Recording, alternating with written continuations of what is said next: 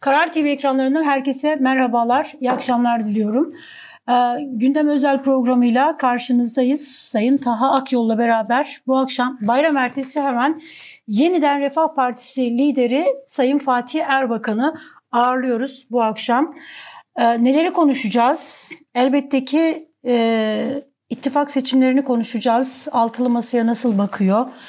Yeniden Refah Partisi'ni kurmaya neden ihtiyaç hissetti bunu konuşacağız. Ee, Yeniden Refah Partisi'nin arkasında kimler var? Ee, kimler finanse ediyor? Gerçekten böyle hani e, e, AK Parti ya da Cumhurbaşkanı Erdoğan var mı? Bunları konuşacağız. Ekonomiyi konuşacağız. Aşı tartışmalarını konuşacağız.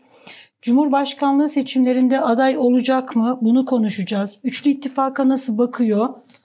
Bunu konuşacağız. Doğru gidiyorum değil mi Taha evet, Bey? Evet. Ee, dış politikayı konuşacağız.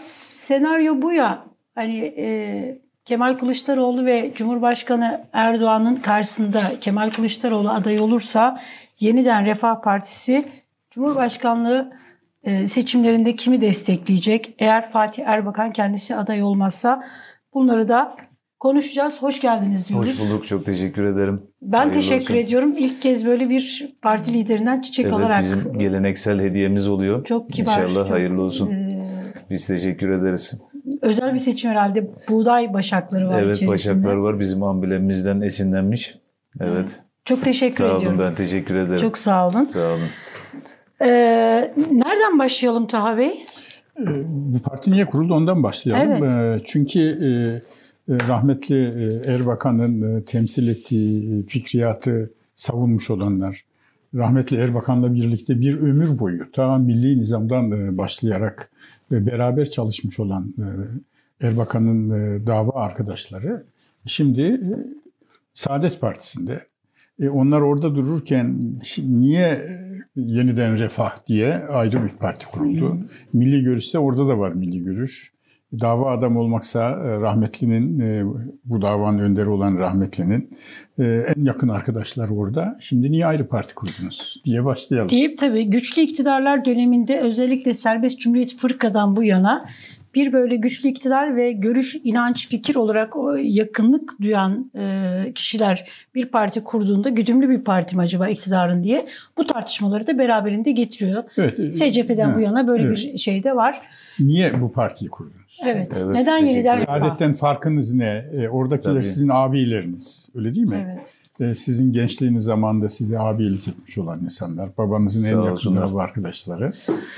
Tabii öncelikle teşekkür ediyorum fırsat verdiğiniz için. Tabii izleyicilerimize de teşekkürlerimizi, selamlarımızı iletiyoruz. Aynı zamanda geçmiş bayramlarını da tebrik ediyoruz. İnşallah hayırlı sonuçlara vesile olur program. İnşallah. Tabii sizin de ifade ettiğiniz gibi biz de sizin kadar e, şaşırdık ve e, üzüldük Saadet Partisi'nde yaşadığımız olaylarla ilgili. Çünkü hakikaten bizim amca dediğimiz insanlar, orada bulunan insanlar ve problem yaşadığımız kişilerin de bir kısmı onlar oldu üzülerek ifade etmek gerekirse. Ben zaman zaman örnekler veriyorum. Yani mesela e, biz orada sadece her milli görüşçünün sahip olduğu haklara sahip olmak istedik. Nedir o haklar? İlla genel başkan olmak, genel başkan yardımcısı olmak demek değil. Bir dava eri olarak orada hizmet etmek, o hizmette gidip teşkilatlarla hemhal olmaktır, konuşma yapmaktır, seçim çalışmalarına katkı sağlamaktır. Parti programına, milli görüş çizgisine uygun şekilde konuşmak e, şartıyla. E, Bunu yapmak istedik ancak burada bir maalesef dirençle karşılaştık. Ciddi bir engellemeyle karşılaştık. Bunu tabii uzun zaman anlattım ama burada da gene konu geldiği için tabii aydınlatmak bakımından Size genel başkan yardımcılığı teklif etmediler. Maalesef- teklif edildi size genel başkan yardımcılığı. Oraya Yanlış da- biliyor olabilirim. Oraya da geleceğim. Tabii e, bir defa Kırşehir'de bir anma programı yapılıyor. Kırşehir'de anma programını Kırşehir Saadet Partisi İl Teşkilatı organize ediyor. Anma programı dediğim rahmetli Erbakan Hoca'ya anma programı tabii. Oraya da konuşmacı olarak Fatih Erbakan'ı çağırıyorlar. Fatih Erbakan da MKYK üyesi. Arkasından Kırşehir İl Başkanı genel merkeze çağrılıyor. Diyorlar ki Fatih Erbakan'ı nereden çıkarttın? Şu anda kendisi zaten sağ. Hatta bizim yeniden Refah Partimize de geçti şu anda Kırşehir'de yine ikamet ediyor. E diyor ki Erbakan Hoca anılırken Fatih Erbakan'ı çağıracağız yani. Daha gayet doğal bir şey kaldı ki bizim MKYK üyemiz kendisi. Olmaz hayır bir daha genel merkeze sormadan kimseyi çağırmayacaksın. Arkasından da o da bir mukavemet gösterip o da karşılık verince bu sefer diyorlar ki senin görevin bitti. İl başkanlığından alıyoruz. Kendisini il başkanlığından alıyorlar. Bir yerel seçim e, zannedersem 2014 olması lazım. Orada Kütahya Tavşanlı ilçesi bizi davet etmiş ve orada seçim döneminde bir konuşma yapmışız. İşte oyları Saadet Partisi'ne isteyen, Saadet Partisi'nin MKYK üyesi olarak gitmişiz. Ve Tavşanlı'da 17 bin oy almış Saadet Partisi. Ankara'da aynı seçimde 13 bin oy almış. 5 milyonluk büyük şehirde Ankara'da 13 bin oy toplamda. Bir ilçede Kütahya'nın bir ilçesinde 17 bin oy alınmış. Bu sadece biz gittik diye bunu aldık demiyorum da sonuçta böyle bir sonuçla karşılaşıldıktan sonra ne yapılması lazım? Tavşanlı'ya teşekkür etmek lazım. İlçe başkanını taltif etmek lazım. Ya koskoca Ankara'yı geçtiniz, ne güzel bir oy aldınız. Hayır seni görevden alıyoruz seçimin ertesi gün. E neden? E sen bize sormadan e, Fatih Erbakan'ı çağırdın, orada konuşma yaptırdın. Tavşanlı'yı alıyorsunuz. Rize aynı şekilde. Rize'de %4'e yakın bir oy alınmış aynı seçim. Türkiye geneli 1.2. Rize milli görüş tarihinde ilk defa Türkiye genelini 3'e katlamış. Rize İl Başkanı, Rize İl Yönetimi görevden alınıyor. Neden Fatih Erbakan'ı çağırdınız, miting yaptırdınız? E şimdi burada... Fatih Bey aranızda dava bakımından bir fark var mı? Ee, Biz yani de ona aşire-i mübeşşire e, birbirinin karşısına geçti, kılıç çekti. Doğru. Siyasette oluyor Doğru. böyle şeyler de. Oldu. Bir dava farkı var mı? Dava farkı şöyle. E, bir defa tabii e, Çorumlular namaz kılamaz diye benim bir tabirim var.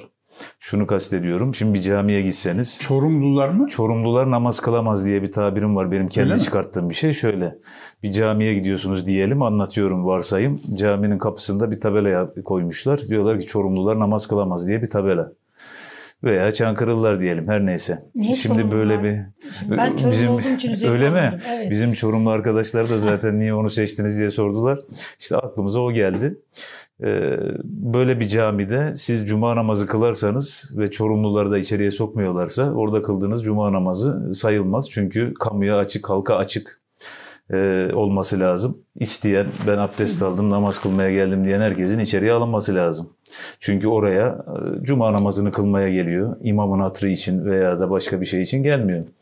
E şimdi aynı şekilde rahmetli Erbakan Hoca hep yıllarca bize anlattı. Dedi ki ya biz siyaset değil ibadet yapıyoruz. Bunu aslında basına da söyledi. İşte ben bu yaptıklarımı Allah rızası için yapıyorum dedi. İbadet ne? İnsanların maddi manevi sıkıntılarından kurtarılması. Evet onların dünyada, ahirette, saadete, selamete ermesi için, e, adaletin tesisi için, refahın tesisi için çalışmak. E, bu ibadeti yaparken kimsenin bu ibadeti yapmasına mani olamayız diyen Erbakan Hoca'nın kendisi. Kimseyi buradan uzaklaştırmaya hakkımız yoktur diyen Erbakan Hoca'nın kendisi.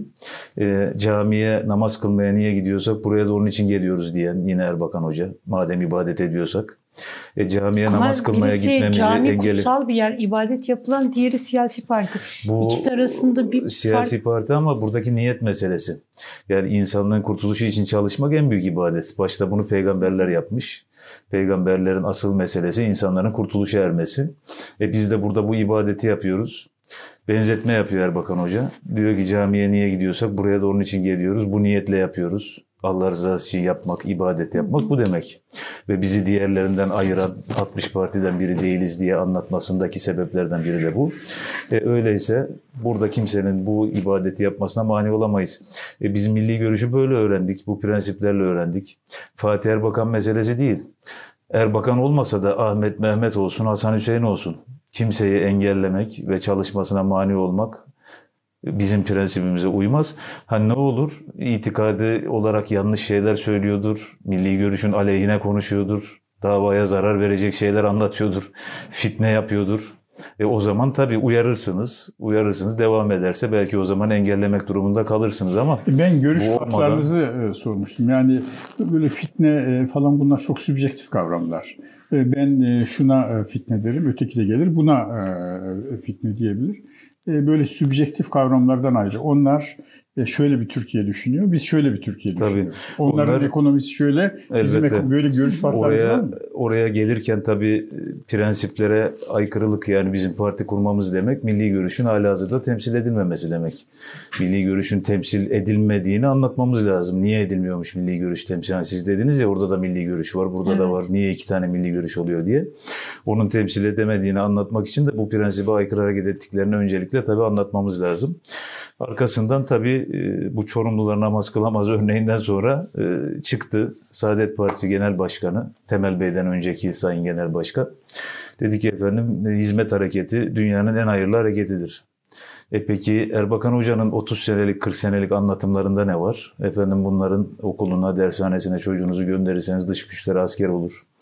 Bunlar Amerika'nın bir e, aparatı olarak, onların bir uzantısı olarak çalışıyorlar. Rahmetli e, Ve- Erbakan e, hocamız e, Adalet ve Kalkınma Partisi hakkında da e, buna benzer çok ağır sözler söyledi. Elbette. Evet. Yani siyasette oluyor böyle şeyler. E, Bunlar tabii. veri kabul edilebilir mi?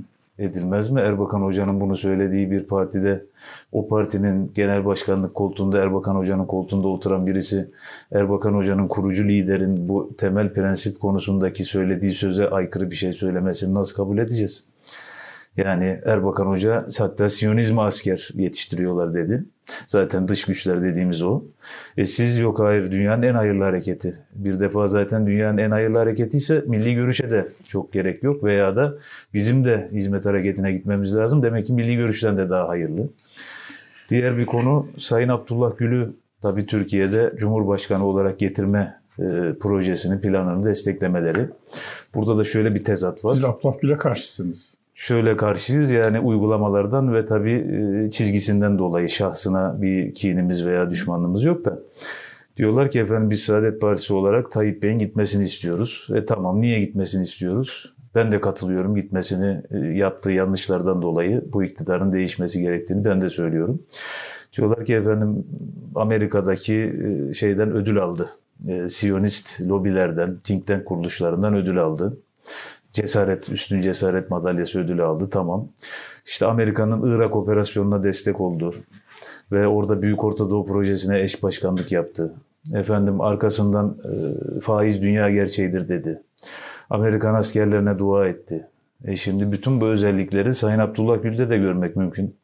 O da Çetin Mağuz'dan ödül almış. O da ben Erbakan Abdullah Gül Hoca'nın Irak'a müdahaleye düzenine- karşıydı. Hayır yok hayır karşı değildi. Başbakan değil miydi o dönemde? Başbakandı. Ee, e, Yani bunun lehine hiçbir konuşması olmadığı Abdullah gibi Gül aleyhine konuşmaları arkadaşlarla Şunu yaptığı dedi, gece uyku uyuyamadım bu tezkereyi biz nasıl geçiremedik dedi. Hayır yok. Bu tezkere nasıl geçmedi gece uyku uyuyamadım Amerikalılara ne diyeceğiz diye düşündüm dedi.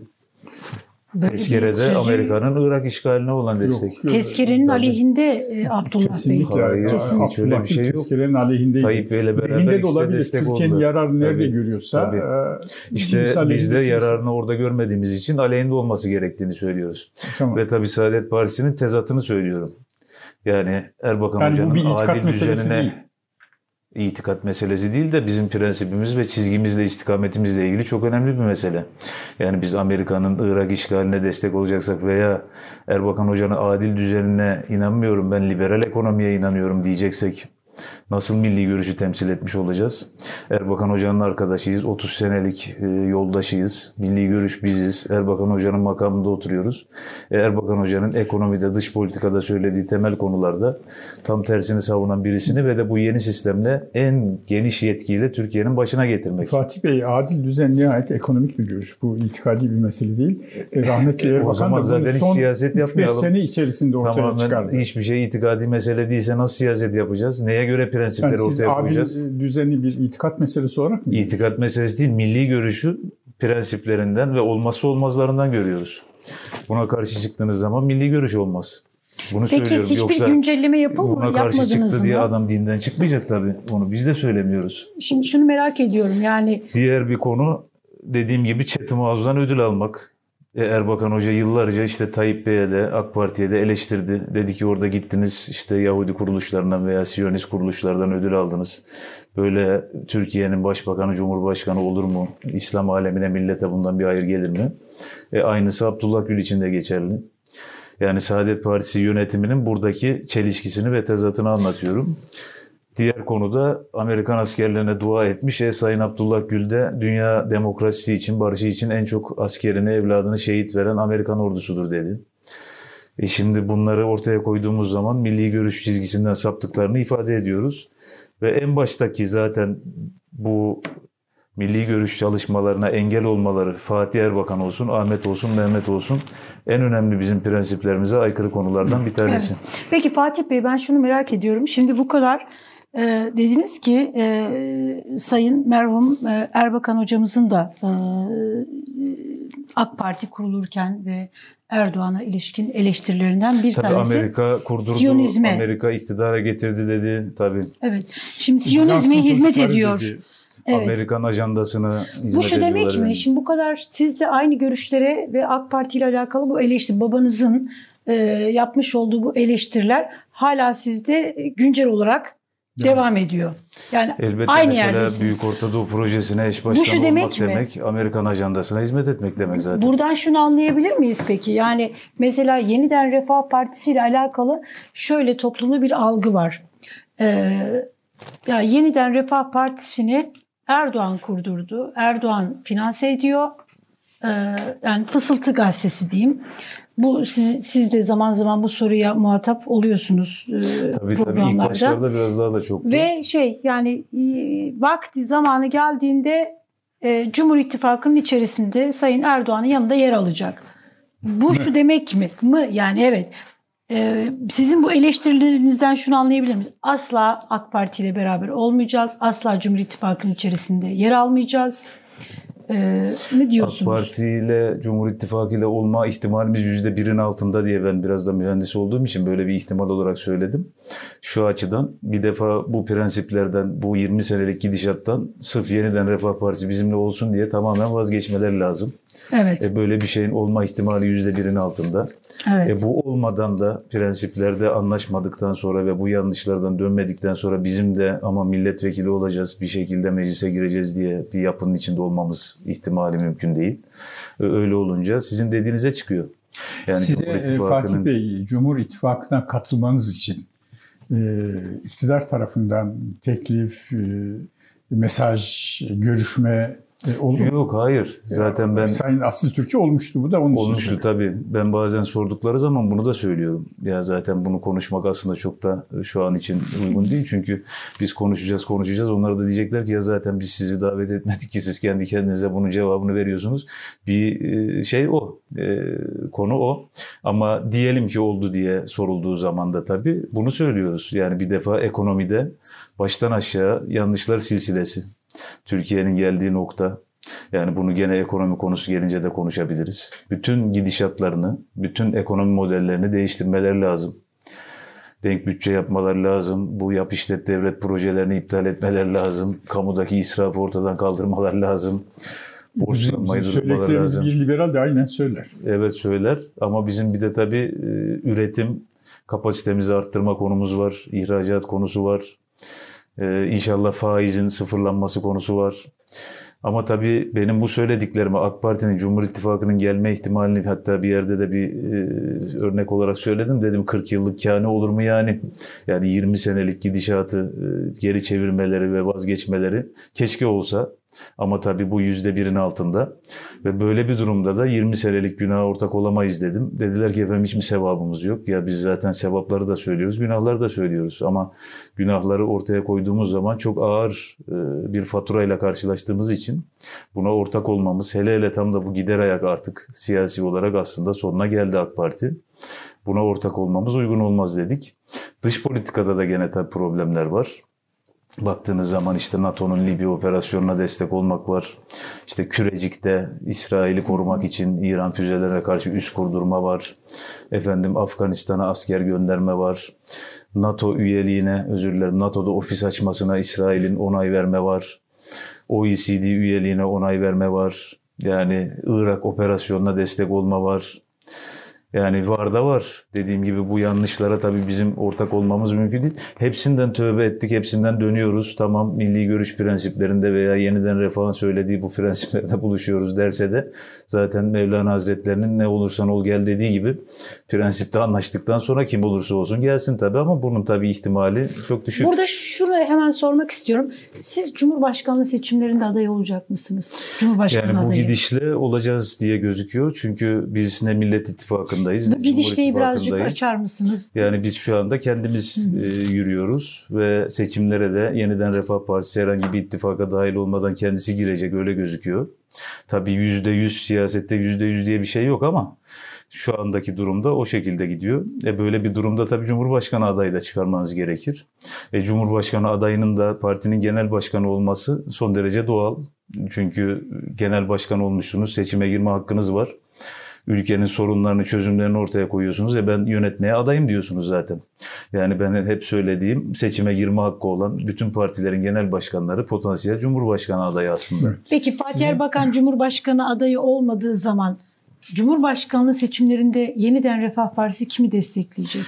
Pek destekleyemez. İttifakı'nın mı? Kendisi girdiği için Cumhurbaşkanı adayı da çıkarıp kendi adayını desteklemesi en uygun olur tabii. Olmadığımız Tabii. zaman. Yani olacağız bu durumda öyle gözüküyor bu gidişatla. Yani kendimiz girdiğimize göre e, şeye giriyoruz, parlamento seçimine giriyoruz, cumhurbaşkanlığına girmiyoruz, aday çıkarmıyoruz. Bu da çok uygun bir şey değil tabii. Evet. Evet, e, parlamento seçimlerine girip de Cumhurbaşkanlığı seçimlerine girmemek, Girmemek, uygun tabii. olmaz. En azından iddiasını e, Kaybeder. terk etmek olur. E, fakat şöyle bir şey var, sizin bir açıklamanızı okudum yanlış hatırlamıyorsam.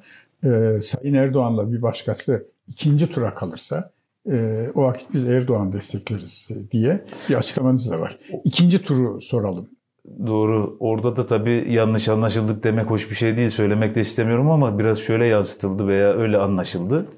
Ee, önü sonu bütün cümleler bir arada alınmadığı zaman tam bir teslimiyet gibi. Yani Tayyip Erdoğan'a desteklemek istermiş gibi.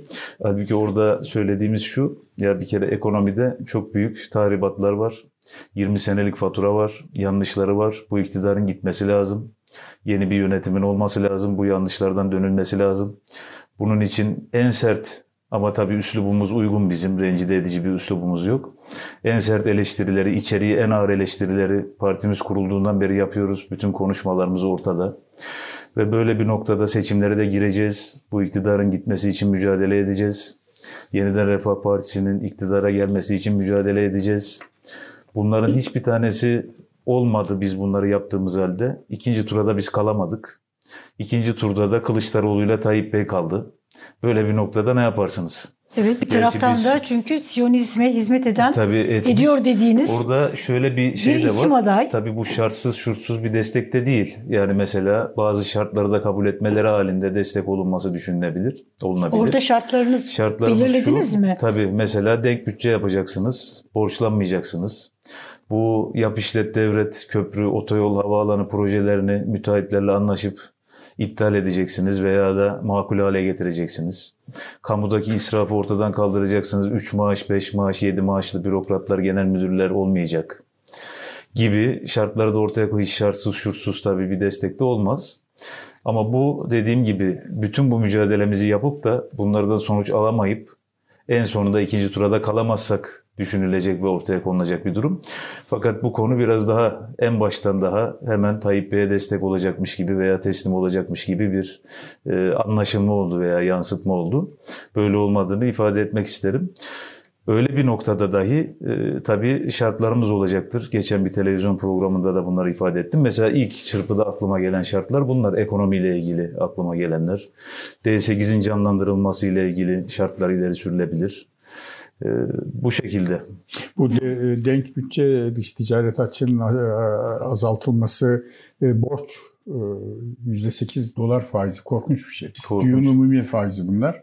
E, bu, bunlara karşı Tefeci. Cumhuriyet Halk Partisi'nin, İyi Parti'nin, e, Gelecek Partisi'nin, e, Deva Partisi'nin e, iktisatçılar da bunlara karşı. Yani şimdi e, sizin bu Tayyip Bey'i şu şartla destekleriz dediğiniz iktisadi şartlar e, Cumhuriyet Halk Partisi dahil muhalefet tarafından e, iktisadi görüş olarak savunulan şartlar. Bu dediğiniz şartlar liberalizme de uygun. Ama siz diyorsunuz ki Kılıçdaroğlu olursa, e, Tayyip Erdoğan olursa biz bu şartlarla Tayyip Erdoğan'ı destekleyebiliriz. Kılıçdaroğlu'na özel olarak karşı olduğunuz mu? Yoksa iktisadi şartları Erdoğan Şöyle, daha kolay kabul eder diye mi? Şimdi tabii Kılıçdaroğlu da karşı çıkıyor. Ee, bizzat kendisi değil ama CHP'li belediye başkanı Sayın İmamoğlu mesela daha geçen ay %10.62, 10.72 e, faizle e, döviz borçlandı ve ulaşıma zam yapacağız. İşte belediye hizmetlerine zam yapacağız noktasına geldi ister istemez.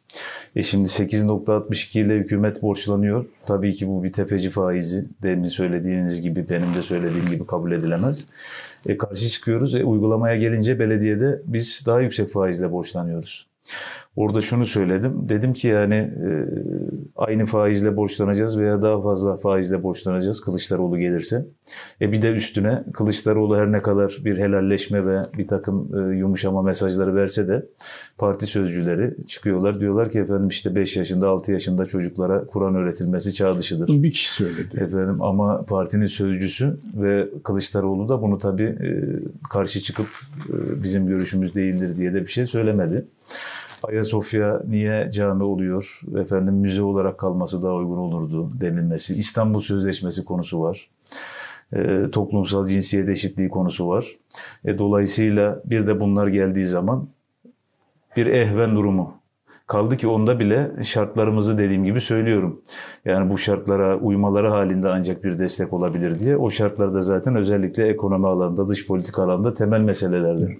Peki aynı şartlar e, Sayın Erdoğan için e, ortaya koyduğunuz şartlar, Kemal Kılıçdaroğlu için de şartlar ortaya tabii koymaz İstanbul mı mesela Sözleşmesi'ne tabii koyarız. Biz yani zaten biraz önce şunlara, ne olursa şunlara, şunlara uyarsanız tabii, biz Kemal Bey'i de destekleriz. Destekleriz. Erbakan Hoca e, Muhsin Batur'un Cumhurbaşkanı olması konusunda destek oldu. Milli Selamet evet. Partisi döneminde. Sayın Demirel'e dışarıdan destek verdi e, kurduğu evet. hükümetlerde. Dolayısıyla bu Ecevit'le koalisyon kurdu. Ecevit'le koalisyon kurdu. Siyasi esneklik gösterdi. Yani burada mesele prensiplerin ortaya konulması ve milletin derdine derman olunması. Evet. Yani ben borç almayacağım, denk bütçe yapacağım, efendim milli kaynak paketi üreteceğim, kaynağı millete aktaracağım, dar gelirlinin alım gücünü arttıracağım. İstanbul Sözleşmesi, Ayasofya, işte Kur'an öğrenimi gibi, konularda e, şey yapmayacağım, baskı yapmayacağım. E, bunlar uygulandıktan sonra bütün mesele prensiplerde uygun bir hale getirilmesi için. Yani orada bizim bir e, şahıslara veya isimlere herhangi bir e, şeyimiz yok. Eşit mesafe değil. Tabii eşit mesafedeyiz. Rahmetli Erbakan Hoca da zaten Taha Bey'in hep söylediği gibi o da eşit mesafedeydi ve hep e, teknikti. Prensipler üzerinden giderdi. İşte Muhsin Batur'a da destek olması, Ecevit'le koalisyon yapması, Sayın Demirel'e destek olması, hatta bizim Tayyip Bey'e ikinci turda destek vermemiz konusunda bizim parti içinde de bazı arkadaşlarımızın soruları oldu. Orada da söyledim yani Erbakan Hoca'nın siyasi esnekliğini Yani soruları yapmayalım lazım. anlamındaki sorular. Tabii yapmayalım, yapmayalım anlamında sorularına e, veya bunu yadırgayanlar oldu. E, bunu da dile getirdiler. Orada bu örnekleri orada da verdim. Yani Tayyip Bey Muhsin Batur'dan da daha kötü, Demirel'den de daha kötü, Ecevit'ten de daha kötü. Böyle bir şey olmaz tabii. Çünkü prensiplerde uyuştuktan sonra milli görüşün temel mantığı şahısların, isimlerin üzerinden siyaset yapmamak, onlara herhangi bir düşmanlık benimse beslememek. Yeter ki milletin işi görülsün ve derdine derman olunsun. Evet. Şimdi sizin çok ilgi çekici görüşlerinizden birisi aşı Evet evet doğru. Evet. Ee, doğru diye hemen çok da memnun oldunuz bu sorunun. E, Yok ilgi çekici deyince benim de dediğiniz gibi tam kelimeyi buldunuz yani çok ilgi çekti hakikaten. Evet çok ilgi çekti. Ee, şimdi hayatın realitesine yani İslam'da sünnetullah e, denilen e, hayatın realitelerine baktığımızda aşının uygulanmasıyla bütün dünyada pandemi e, inişe geçti ve e, kısıtlamalar falan kaldırıldı. E, hiçbir bilinen tıp bilim adamı da çıkıp aşının şöyle şöyle şöyle zararları var demedi. Siz niye aşıya karşısınız? Şimdi şöyle mesela Afrika'da da pandemi bitti. Hatta Afrika'da hiç bu kadar alevlenmedi, bu kadar yükselmedi de. Halbuki e, gariban Afrika ülkelerinde aşılama oranları gelişmiş ülkelere baktığınız zaman belki %10'lar seviyesindeydi. Gelişmiş ülkelerde %90 seviyesindeydi. Dolayısıyla e, burada aslında toplumsal bağışıklıkla virüs ortadan kalktı ve pandemi bitti. Biz buna inanıyoruz. Ve buna inanırken de tabii mesela e, Şubat ayında e, vefat etmiş, orada yeni öğrendim. Nobel ödüllü virolog bu HIV virüsünü, AIDS virüsünü bulan Luc Montagnier diye bir Fransız virolog. Kendisinin internetten de bakılabilir. Bununla ilgili açıklamaları var. Efendim diyor ki bu aşılama diyelim bir grip aşısı yapılacak. Kışa girmeden, grip virüsü ortaya çıkıp yayılmadan önce yapılır koruyucu olarak. Affedersiniz hayvanlarda da, hayvan sürülerinde de bu böyledir. İnsanlarda da böyledir. Ama bir virüs çıkıp yayıldıktan sonra, insanlara bulaşıp böyle yaygınlaştıktan sonra siz bu aşılamayı yaptıkça bu virüsün mutasyona uğramasına, yeni varyantlarının oluşmasına yol açarsınız. Ve nitekim birçok varyantlar da çıktı ve süreci uzatırsınız. Dolayısıyla aşılama bu noktada uygun değildir. Hatta ben bunu çok akılsızca buluyorum falan gibi belki tercümede de öyle çevirdiler bilmiyorum ama bir takım lafları, kelimeleri var. Ve e, gerçekten de e, bu varyantlar çıktı, mutasyonlar çıktı ve süreç uzadı. Bu Luc Montagnier'in söylediğine de e, bize mantıklı geliyor, katılıyoruz. E, Montagnier'in söyledikleri klinik bulgulara dayanmıyor. O kanaatini söylüyor. Aşıların etkinliği ve yan etkileriyle ilgili hiçbir klinik bulgu yok. Bir kere faz aşamalarını tamamlamamış. Faz aşamalarının tamamlanması için 6 senelik bir süre lazım. Faz aşaması tamamlanmayınca ne gibi yan etkiler yapacağından haberimiz yok. Belki 5 sene sonra bir beklemediğimiz yan etkiler çıkacak. Mesela piyasadaki ilaçlar da öyle faz aşamalarını tamamlıyor, piyasaya çıkıyor. Piyasada bir 5 sene, 10 sene kullanıldıktan sonra aa diyorlar meğerse şöyle bir yan etkisi daha varmış. Mesela işte aktif mesane ilaçlarına hep örnek veriyorum ben. 10 senedir piyasada, 15 senedir piyasada bu ilaçlar. Şimdi baktılar ki 10 seneden uzun kullanımlarda Alzheimer yapıyormuş. Aman efendim buna ne yapsak demeye yeni e, değişik ilaçlar Bilimde böyle bir şey tabii. Denemeyle bulunur. Öyleyse madem varyanta yol açıyor, mutasyonlara yol açıyor, ve çözüm üretmiyor ve böyle de bir risk var. Öyleyse biz aşı olmayalım ve toplumsal bağışıklıkla bu işin üstesinden gelelim. Yan etkileri belli olmayan, faz aşamasını tamamlanmamış aşıları yaptırmayalım dedik. Tabii Bunu şimdi Fatih Bey e, aşı karşıtlığı bütün dünyada var. E, aşı karşıtı olabilirsiniz. Bunun hani bilimsel olarak aşıya güvenmemek başka bir şey. E, fakat yani sizin biraz işte mesela şu açıklamanız ben bunu duyduğumda e, biraz böyle hani inanamadım. Dediniz ki o insanların yarı insan yarı maymun çocuklar doğurmasına sebep olabilirsiniz. Üç kulaklı beş gözlü yaratıklar doğmasına yol açabilir. Şimdi yani aşı karşıtlığı dediğim gibi başka bir şey ama yani aşı olursanız Burada Bu, şöyle. Bunu mesela buna gerçekten buna dair elinizde bulgular var mı? Ya da mesela bunu e, insanlara hani aşıda olmasınlar hani zararına inanıyorsunuz. Korkutmak amaçlı böyle Nasıl? çok uçta bir örnek mi verdiniz? Şöyle e, tabii e, bunu tıpla ilgilenenler, uğraşanlar daha da iyi biliyorlar. Biz çünkü kendileriyle de e, doktor arkadaşlarla da bu konuları görüşerek bu noktaya zaten vardık e, kuyruklu bebeklerin doğduğu, evet. e, efendim e, üç e, kollu e, bebeklerin doğduğu bir vaka. Yani bunu tıpla ilgilenenler e, hatta e, tıp okurken de örneklerini de görerek ya canlı olarak ya kitaplardan Hı. bunları biliyorlar. Ne nasıl Bunlar eskiden beri zaman zaman eskiden oluyor ilk galibesi. Yani bir pandemiden önce de vardı. Tabii genetik bozulmayla oluyor. Şimdi böyle bir şey hiç yokmuş veya hiç olamazmış gibi diye düşünüp dediler ki ya bu adam herhalde e, hayal mi görüyor yoksa bilim kurgu filmlerinde mi yaşıyor? Hayır böyle bir şey var. Ve Allah vermesin oluyor. Nasıl bir genetik bozulmayla buna tabii mesela radyoaktif maddeler de sebep olabiliyor. Çernobil'de olmuştu bu. Evet. Çok iyi hatırlıyorum. Ben de çocuk yaşlardaydım o zaman ama yani mesela üç bacaklı pardon beş bacaklı inek işte iki kuyruklu iki başlı e, koyun bunlar maalesef oldu. Burada da bizim söylediğimiz şuydu. Bu geleneksel aşılar değil. Yani Sinovac gibi, işte Türkovac gibi geleneksel aşılar değil ama mRNA teknolojisini kullanan aşılar e, işte Biontech aşısında olduğu gibi hücredeki genetik yapıya zarar verip Allah vermesin. Bu tabii belki binde bir ihtimal. Belki on binde bir ihtimal. Ama böyle bir sonuca yol açma riski Sinovac'a karşı var. değilsiniz Evet. o zaman. Sinovac'a. Sinovac da faz aşamalarını tamamlamadı ama daha az riskli tabii Sinovac. Çünkü Siz en azından böyle bir şey mı? yok yaptırmadık. Peki nasıl Hiç yolculuk olmadı. yapıyorsunuz şimdi? Türkiye'ye Şimdi artık serbest. Yani PCR yaptırdık hep. Buradan gidiyorduk. E, Gittiğimiz yerde Hakkari Devlet Hastanesi'nde bile PCR testi yaptırdık. Oradaki programdan dönmek için. Çünkü iki gün süresi var. iki günü geçiyorsunuz. Bir daha orada yaptırmanız lazım.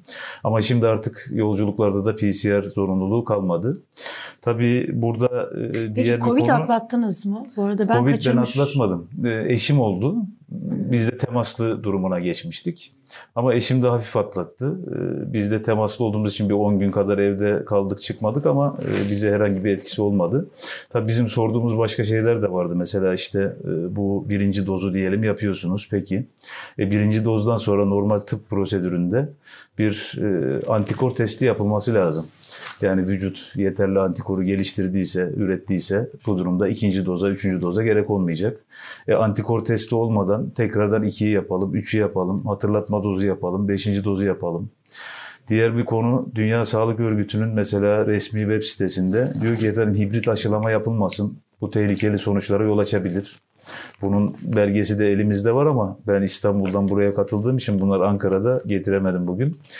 Hibrit aşılama dediği mesela bir iki doz Sinovac yaptırmışsın üstüne bir de Biontech yaptırmak çok tehlikeli diyor. E bizde tam tersine.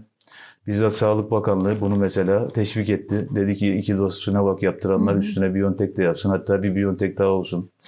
Diğer hiç anlayamadığımız bir konu tabii hamile kadınlardaki uygulanması. Yani ben çocukluğumdan beri bilirim hamilelerin bir krem sürmesine bile doktorlar aman onun emilimi olur, kana karışır, çocuğa etkisi olur derler. Bir en basit ağrı kesicinin hamilelerin almasına karşı çıkılır. E biz hamile olsun, 6 aylık hamile olsun, 8 aylık hamile olsun ne kadar hamile de olsa bunları yaptık.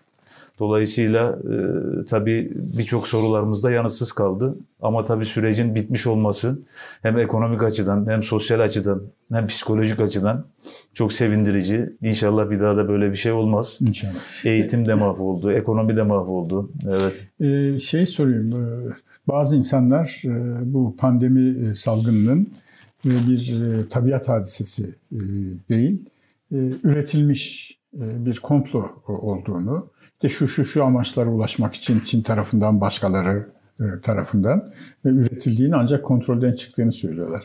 Siz bunun bir e, tabiat hadisesi olduğunu mu düşünüyorsunuz? Pandeminin bir komplo olduğunu mu düşünüyorsunuz? Yani komplo olması noktasına çok daha yakınız. Bir defa bilim adamlarının yalancısıyız. Bununla ilgili de birçok makaleler ve e, evraklarımız var ama dediğim gibi getiremedim. Diyorlar ki efendim bu e, mikroskopta da incelendiğinde, virüs ilmini bilen insanlar bunu incelediğinde bir hibrit virüs olduğu, yani birkaç ayrı virüsten parçalar alınarak e, üretildiğini ifade ediyorlar. Tabiatta da olmuş Dolayısıyla.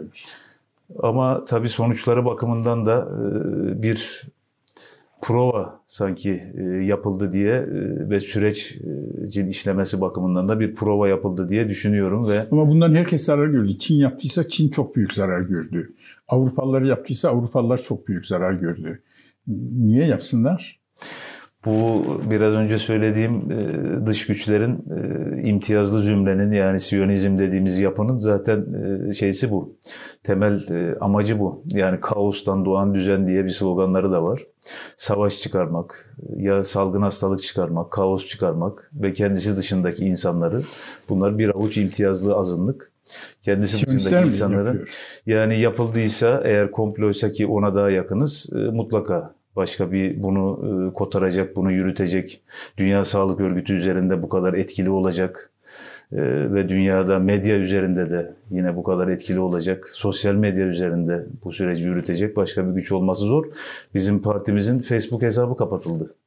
Yani topluluk kurallarına uymuyorsunuz diye topluluk kuralları dediği de bizim aşılamayla ilgili konudaki duruşumuz. Kaldı ki biz orada hakaret etmiyoruz. Efendim şiddete insanları yöneltmiyoruz. Ee, ama dediğim gibi belki de Türk siyaset tarihinde de bir ilk olarak Facebook parti sayfamızı kapattı.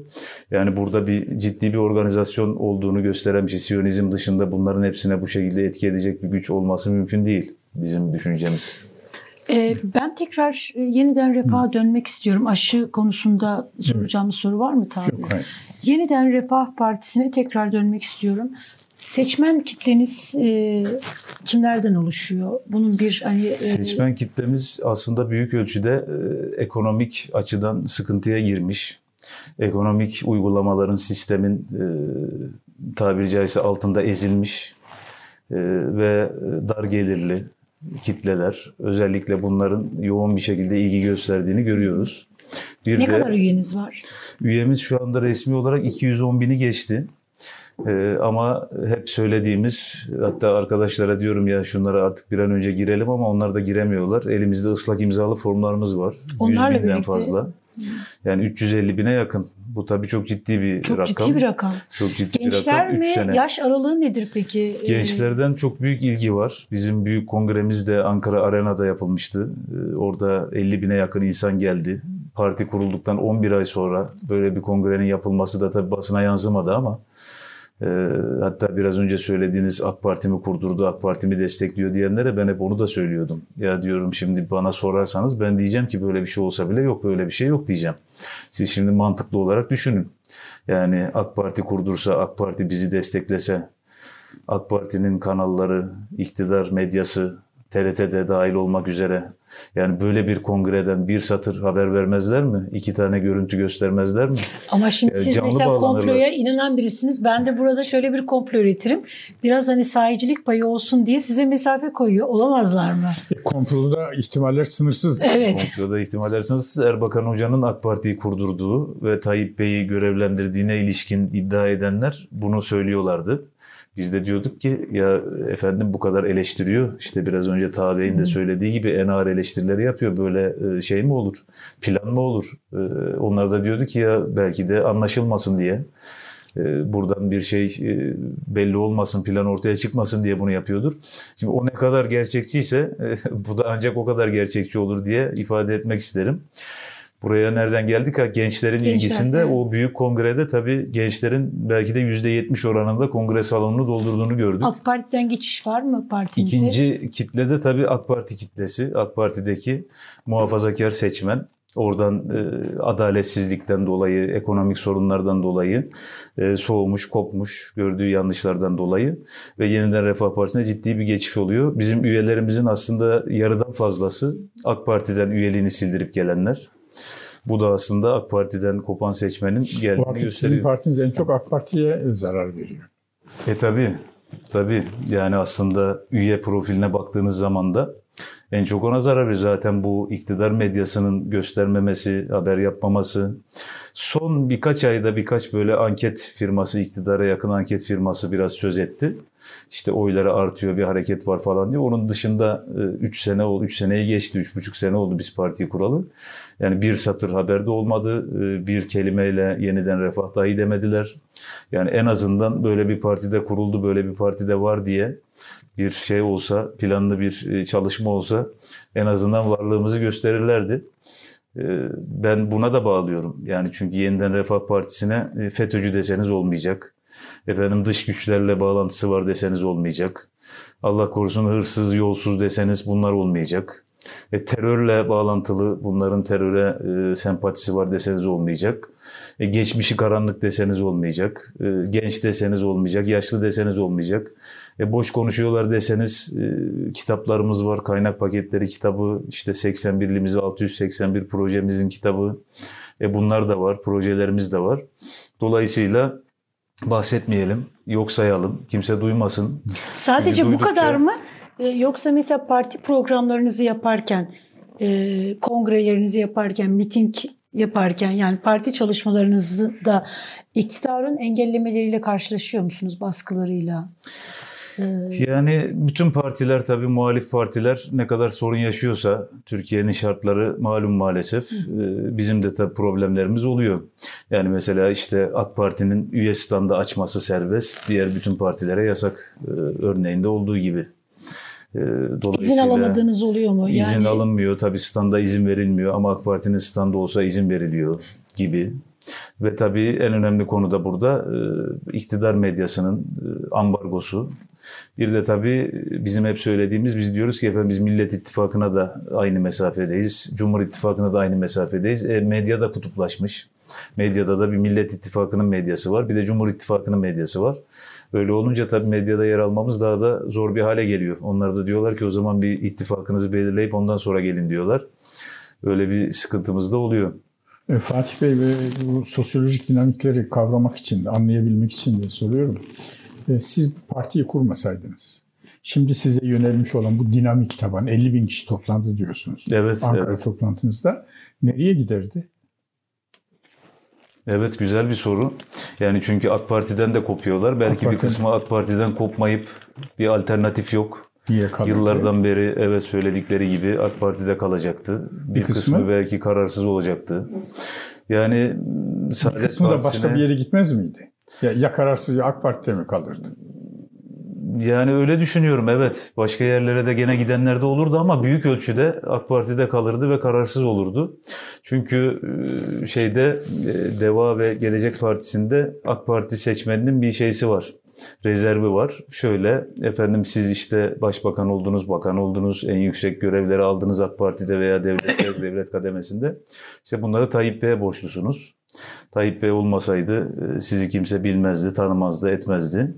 E, öyle olunca siz şimdi neden Tayyip Bey'e karşı çıkıp da bunları söylüyorsunuz diye bir e, yani vefa göstermeniz gerekirdi gibi diye onlara bir rezerv e, Ki bu koyuyorlar. milli görüş tabanı niye e, Tayyip Bey'e e, hocana e, vefa göstermen gerekirdi demiyor Güzel da bir soru. Ali Babacan'a niye e, Tayyip Bey'e vefa göstermedin diyor. Bir de tabii yani Erbakan Hoca'nın dediğiniz gibi AK Parti'nin bu yanlışlarıyla ilgili söyledikleri de ortada. Çok ağır, çok ağır sözleri var. FETÖ ile ilgili söylediklerini çıkartıyorlar AK Parti'deki arkadaşlar. Erbakan Hoca'nın FETÖ ile ilgili e, tamam yani onun gibi çok e, ağır şeyler AK Parti içinde var. Bunları çıkarmıyorlar. Burada da öyle bir dinamik işliyor yani maalesef. Evet. Ee, Buradan isterseniz ittifaklara geçelim. Ee, Sizin geçtiğimiz günlerde bir e, CHP dışındaki partilere bir çağrıda bulunmuştunuz. Bütün sağ partilere, muhalefet partilerine. Ee, Dediniz ki gelin yanlıştan dönün, milli görüş ilkeleri ve çatısı altında bir ittifak kuralım. Bunu şunun için soruyorum. Yani böyle bir çağrıda bulunabilirsiniz. Yeni bir ittifak e, oluşumunu da önerebilirsiniz. Ama biraz önce mesela merhum Erbakan Hoca'nın işte dese şey Ecevit'le kurduğu e, şey var, ittifak hani e, var. Ee, Koalisyon var. koalisyon var pardon. Ee, neden mesela CHP dışındaki CHP'yi orada dışlayarak e, bir çağrı Ben buna şunu da ilave edeyim Elif Hanım'ın sorusuna. E, Rahmetli Erbakan'ın e, Turgut Özal e, rahmetli. Ben Turgut Özal'a çok özel saygı duyarım. Kendisini Allah rahmetle rahmet saygıyla eylesin. anıyorum. Allah rahmet eylesin. Turgut Özal'a karşı CHP dahil bütün partilerin işbirliğine çağıran konuşması da var. Evet tabii o zamanki SHP. Yani Turgut Özal'a karşı SHP ile işbirliği yapıyorsunuz. E, rahmetlinin çağrısı. Şimdi o, o şablonu bugüne taşırsak o vakit sizin CHP ile e, Tayyip Bey'e karşı Şöyle e, bir defa birbirine yakın tabana sahip olan partiler bir araya geldiği zaman toplumda karşılık bulması daha fazla oluyor ve bir sinerji oluşuyor. Yani işte Doğru, bu- bu 91'deki evet 91'deki işte MÇP, İDP ve Refah Partisi birlikteliği buna bir örnek.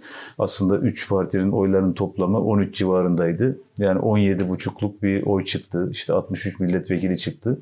Şimdi burada da bizim oradaki 5 partiden kastımız oydu. Yani toplum bizi sağ partiler olarak değerlendiriyor.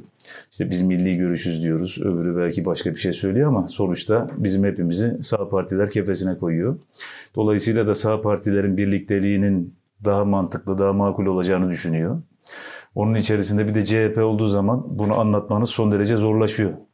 Efendim 28 Şubat zihniyeti deniliyor. İşte yıllarca tek parti hükümeti, tek parti rejimi döneminde yapılanlar deniliyor. CHP zihniyeti deniyor. Erbakan Hoca'ya neler çektirdiler diyorlar. Şimdi Saadet Partisi bunun çok sıkıntısını yaşıyor. Halen daha da yaşıyor. E biz Erbakan Hoca değiliz ki bunları anlatabilelim. Ki Erbakan Hoca bile bunu anlatmakta zorlandı. O MSP, CHP koalisyonundan sonra efendim çok zorlandı. zorlandı. Hele Afganlı çıkınca çok zorlanmıştı. Tabii solcuları efendim Marksistleri affettiniz. Meğerse dışı yeşil içi kırmızıymış. Efendim bunlar yeşil komünistmiş. Kaldı ki orada hakikaten Kıbrıs Harekatı'nın yapılması, işte 5000 Kur'an kursu, 600 İmam Hatip Lisesi'nin açılması, İmam Hatip Lisesi mezunlarının İlahiyat Fakültesi dışında başka fakültelere gidebilmesinin önünün açılması gibi hakikaten Milli Selamet Partisi'nin parti programının icraatları yapıldı. Hele Kıbrıs Harekatı muazzam bir zafer. E buna rağmen bu zorluk yaşandı. E şimdi de bir de hele Saadet Partisi'nin düştüğü durumu da görünce böyle bir algıyla mücadele edip bir de siz bu sefer böyle bir durumla karşı karşıya kalınca projenizi, planınızı kendinize anlatmadan önce neden CHP ile birliktesiniz bunu anlatıyorsunuz. E, bunu anlatana kadar zaten zaman bitiyor. Kendinize anlatmanız mümkün olmuyor. Saadet, Saadet Partisi'nin düştüğü durumu sorabilir miyim? Orada aslında gayet iyi gibi duruyor. Çok sorunlu gibi mesela durmuyor. AK Parti'den Kemal bir... E, Temel Bey'in politikası mesela benim çok hoşuma gidiyor. Ee, özellikle kuvvetler hmm. ayrılığını e, milli görüş geleneğinde kuvvetler ayrılığı kavramı yok. Onu reddettiği için söylemiyorum. O günün gündeminde değildi. Siz e, kuvvetler ayrılığı konusunda ne düşünüyorsunuz? E, ama e, Temel Bey e, çağımızda adaletin temel olmazsa olmaz ilkelerinden biri olan e, kuvvetler ayrılığı ilkesini savunuyor. E, AK Parti ile müzakerelerin hepsinde söylediği kuvvetler ayrılığını kabul ediyor musunuz, etmiyor musunuz? E, Sayın Erdoğan e, Temel Bey'i saraya çağırdı. O kendisine işte işbirliği falan teklif ettiğinde Tabii. Temel Bey'in hep söylediği kuvvetler ayrılığını kabul ediyor musunuz, etmiyor musunuz?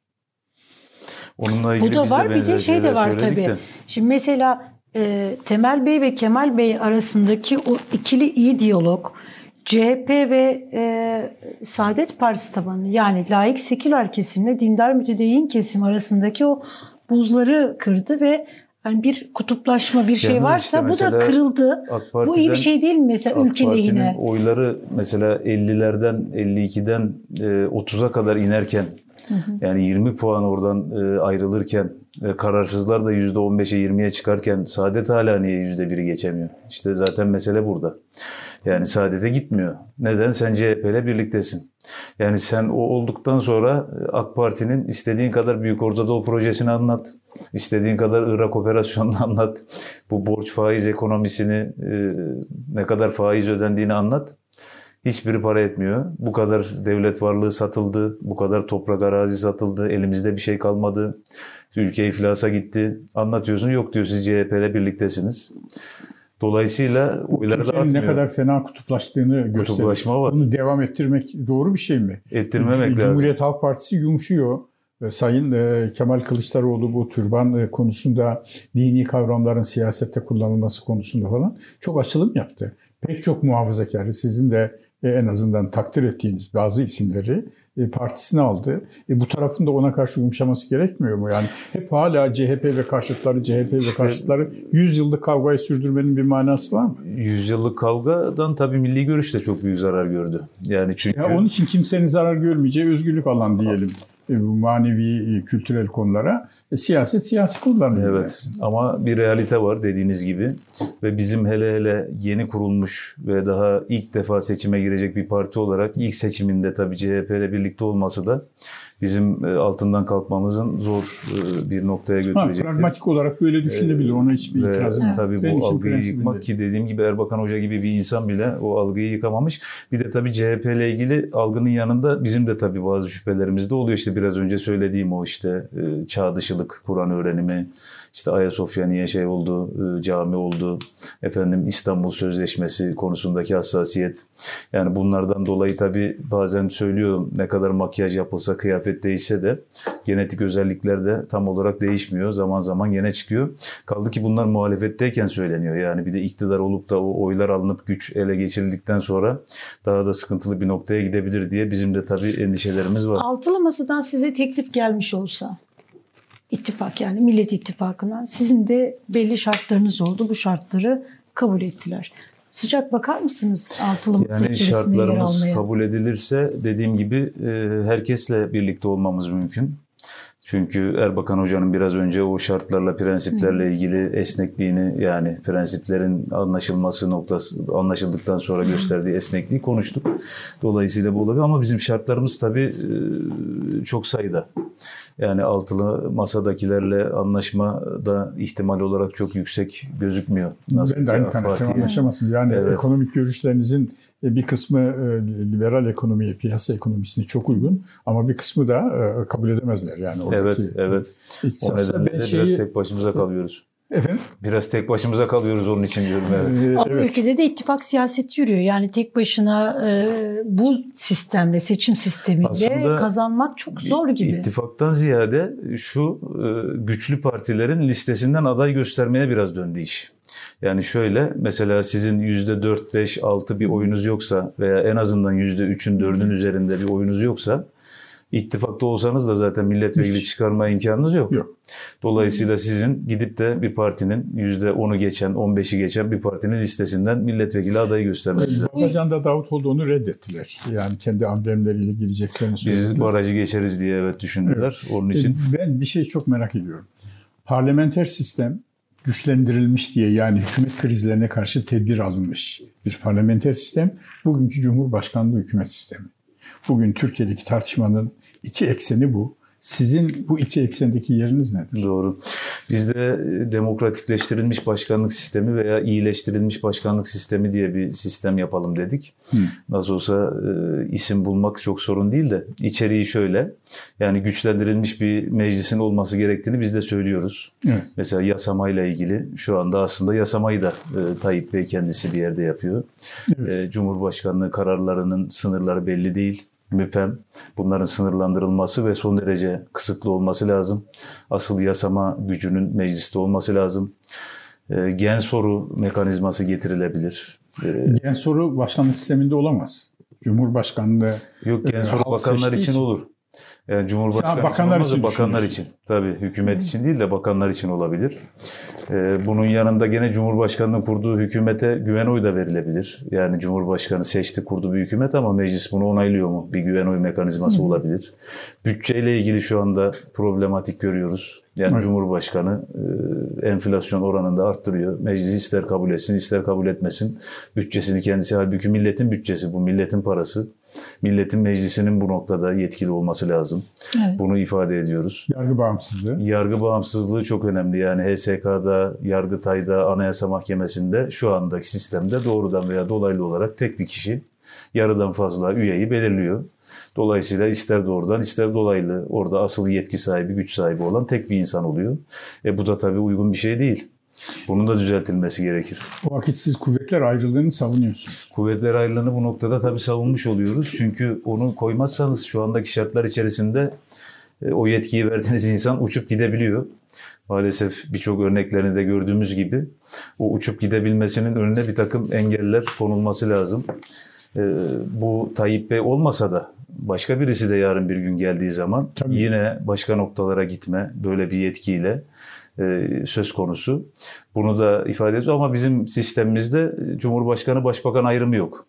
Yani iki başlılık olmasın, gereksiz bürokrasi, maliyet, protokol yani olmasın. Amerikan sisteminde olduğu gibi olduğu bakanların, gibi, atamaların meclis denetimine tabi olduğu. Olduğu, tabii, tabii. Ve meclis, milletin e, başkanı seçtiği e, bir sistem. Bununla ilgili de bir kitapçık olarak da hazırlıyor bu komisyonumuz. Onu da biz de yeniden Refah Partisi'nin sistem önerisi diye inşallah önümüzdeki günlerde ortaya koyacağız. Tamamlanınca bize gönderirseniz bu sistem tabii, tabii, kuvvetler ayrılığı konusunda ben çok hassasım sizden de kuvvetler ayrılığını savunmuş olmanızı duymaktan memnun oldum. Onu ifade edeyim. Çünkü o gelenekte kuvvetler ayrılığı yok. Ayrıntıya girmiyorum. Sahalardasınız. Mitingler yapıyorsunuz herhalde. Esnaf ziyaretleri. Tabii tabii. Belki de en çok gezen partilerden bir tanesi. Çünkü bizim medya gücümüz olmayınca kendi bilek gücüyle e, sesimizi duyurmamız lazım sahada gördüğünüz yani halkta gördüğünüz e, sıkıntı ya da en çok aldığınız şikayetler vatandaş neden şikayetçi? Sorun olarak siz neleri görüyorsunuz? Tabii en çok adaletsizlik konusu var. Bir defa biz de zaman zaman söylüyoruz. Yani sen bir AK Partiliysen senin arazine 1'e 12 emsal imar izni veriliyor. bitişiğindeki başka partili adamın arazisi yan yana evet. bitişik. Ona biri, bire iki emsali bile zor veriyorsunuz. Şimdi tabii bunlar ne kadar medyaya engel koysanız da 20 senedir insanlar bunu yaşadılar, gördüler. Akrabasından, arkadaşından, komşusundan, kendi başına gelmesinden bunlara şahit oldular. Diğer taraftan imtiyazlı holdinglere vergi muafiyeti çıkartıyorsunuz. 128 kez vergi muafiyeti çıkarmışlar. 5 tane holdinge bugüne kadar. Bu 128'in bir tanesi sadece 9,5 milyar lira. Yani ismi lazım değil çok meşhur bir holding. 2020 Eylül ayında resmi gazetede bunun e, ne olduğu yazıyor. 9,5 milyar lira. Hangi tarihli resmi gazetede? 2020 Eylül. Evet. 9,5 milyar lira o zamanın döviz kuruyla 1 milyar do- dolar demek. E şimdi peki bize bir video gönderdiler Amasya'nın Kızılca köyünden. 7 tane traktörü e, tabiri caizse bağırta bağırta haczediyorlar. Evet. Neden? Kooperatife borcun var. Ziraat evet. Bankası'na borcun var bunu ödememişsin. E peki yani 1 milyar dolarlık holdingin borcunu, vergi borcunu siliyorsun. Öbür taraftan çiftçinin, köylünün traktörünü haz ediyorsun. İşte pandemide AK Parti'ye yasak yok, diğer partilere yasak var. Pandemide protokol cenazelerinde yasak yok. Ama vatandaşın cenazesinde yasak var. Muhalif partili belediyeysen sosyal yardım dağıtamazsın ama AK Partili belediyeysen sosyal yardım dağıtabilirsin. Yani CHP'li belediye ise kaymakamlık dağıtır, valilik dağıtır ama AK Partili belediye ise hayır dağıtabilir. Hatta üzerine sticker da yapıştırabilir. Bir kere bu adaletsizlik konusu gerçekten de çok büyük problem olarak karşımıza çıkıyor. Diğer konuda tabii ekonomik problemler. Hı hı. Yani e, çift dikiş yaptırmam emekliye derken siz diğer taraftan e, 7 maaşlı bürokrat çıkıyor. Geçenlerde işte bir bakan yardımcısı 310 bin lira aylık maaşı olan birisi çıktı. E tabi bunlar insanlarda infiale yol açıyor. Hele bir de bu son e, faturalar, elektrik faturası, akaryakıt, doğalgaz faturaları gerçekten de dayanılmaz boyuta ulaştı. Bıçak kemiğe dayandı. Yani özel olarak söyleyeceğim dediğim gibi adaletsizlik, çifte standart ve tabii ekonomik problemler gerçekten de e, çok ciddi probleme yol açıyor. TÜİK bugün yine enflasyon e, oranlarını evet, açıkladı. Yani biraz, Siz TÜİK'in açıklamış olduğu verilere inanıyor musunuz? E, maalesef inanmıyorum. Gerçekçi değil çünkü e, vatandaş da bunu gezdiğimiz her yerde söylüyor. Hı hı. E, geçen ay aldığıyla bu ay aldığı arasındaki fark, geçen sene verdiği parayla bu sene verdiği para arasındaki fark açık bir şekilde ortada. Ama şeylerde işte en agın araştırmalarına e, bilimsel değil falan diyorlar da ben de işte geçen bir televizyonda da söyledim ya dedim o zaman ortalamasını alalım yani ne olacak? 70 e, TÜİK diyor, 150 ENAK diyor. Zaten ortalaması 110 yapıyor. Yani TÜİK'inki düşük. Ortalamasını almasak TÜİK desek bile TÜİK korkunç. desek bile %70 enflasyon. %70 çok korkunç. Tabii yani Amerika perişan oldu diyorlar %7 enflasyona. Yani %7 orası bu %70. Ama Enag'ın ki daha gerçekçi e, ve bu da tabii bütün emekli maaş zammının, asgari ücret maaş zammının, bütün e, verilenlerin hepsinin buhar olduğunu. Bu kadar işsizlik sorunu, enflasyon yüzde yetmiş e, enflasyon oranı, her üç vatandaştan birisi işsiz durumda, e, geçim zorluğu var. 11 milyon kişi bugün devlet yardımına muhtaç bir şekilde yaşıyor. Ekonominin bu kadar kötü olmasının, bu, bu kadar krizin derinleşmesinin sebebi olarak siz ne görüyorsunuz? Burada hep söylediğimiz gider kalemleriyle gelir kalemlerinde problem var. Şöyle evet. giderleri bir defa korkunç faiz ödemeleri. Yani şimdiye kadar 513 milyar dolar borç faizi ödemiş AK Parti e, hükümetleri 20 evet. senede. Ve orta vadeli... Ne kadar dediniz 20 senede? 513 milyar dolar. Evet. Yani tabii bunu dile kolay gerçekten. İnsan bunun sıfırlarını bile tam doğru olarak hele TL'ye çevirdiğinde yazabilir mi? Mühendis olarak siz bile yapamazsanız biz bunu. bile yapamazsak biz ne yapalım? ne yapsın? Yani 513 milyar dolara belki e, iki tane, üç tane Türkiye Cumhuriyeti daha baştan kurarsınız. Korkunç bir para. Evet. Ve diyor ki 3 sene daha iktidarda kalırsam bir 852 milyar lira daha ödeyeceğim. Orta vadeli ekonomik programda 2022, 23 ve 24 yılı faiz ödeme hedeflerini koymuş. 852 milyar lira da döviz 9,5 lirada kalırsa, döviz 15 lira bugün. Yani bu aslında 1,5 trilyon demektir. E şimdi 513 milyar dolar ödedin. 1,5 trilyon lira daha ödeyeceksin. E zaten esnafa, emekliye, işçiye, memura bir şey kalmadı faize giden paradan. İkincisi bu yap işlet devlet projeleri. Yani 13 evet. tane şehir hastanesini 57 şehir hastanesi parasına yaptırmışlar. Nereden çıkartıyorum bunu? İşte Balıkesir Devlet Hastanesi'nin. Evet Cumhurbaşkanlığı şeysinde muhalefet milletvekilleri de bunu çıkarttılar. Cumhurbaşkanlığı yatırım raporunda, resmi raporda maliyeti ortada.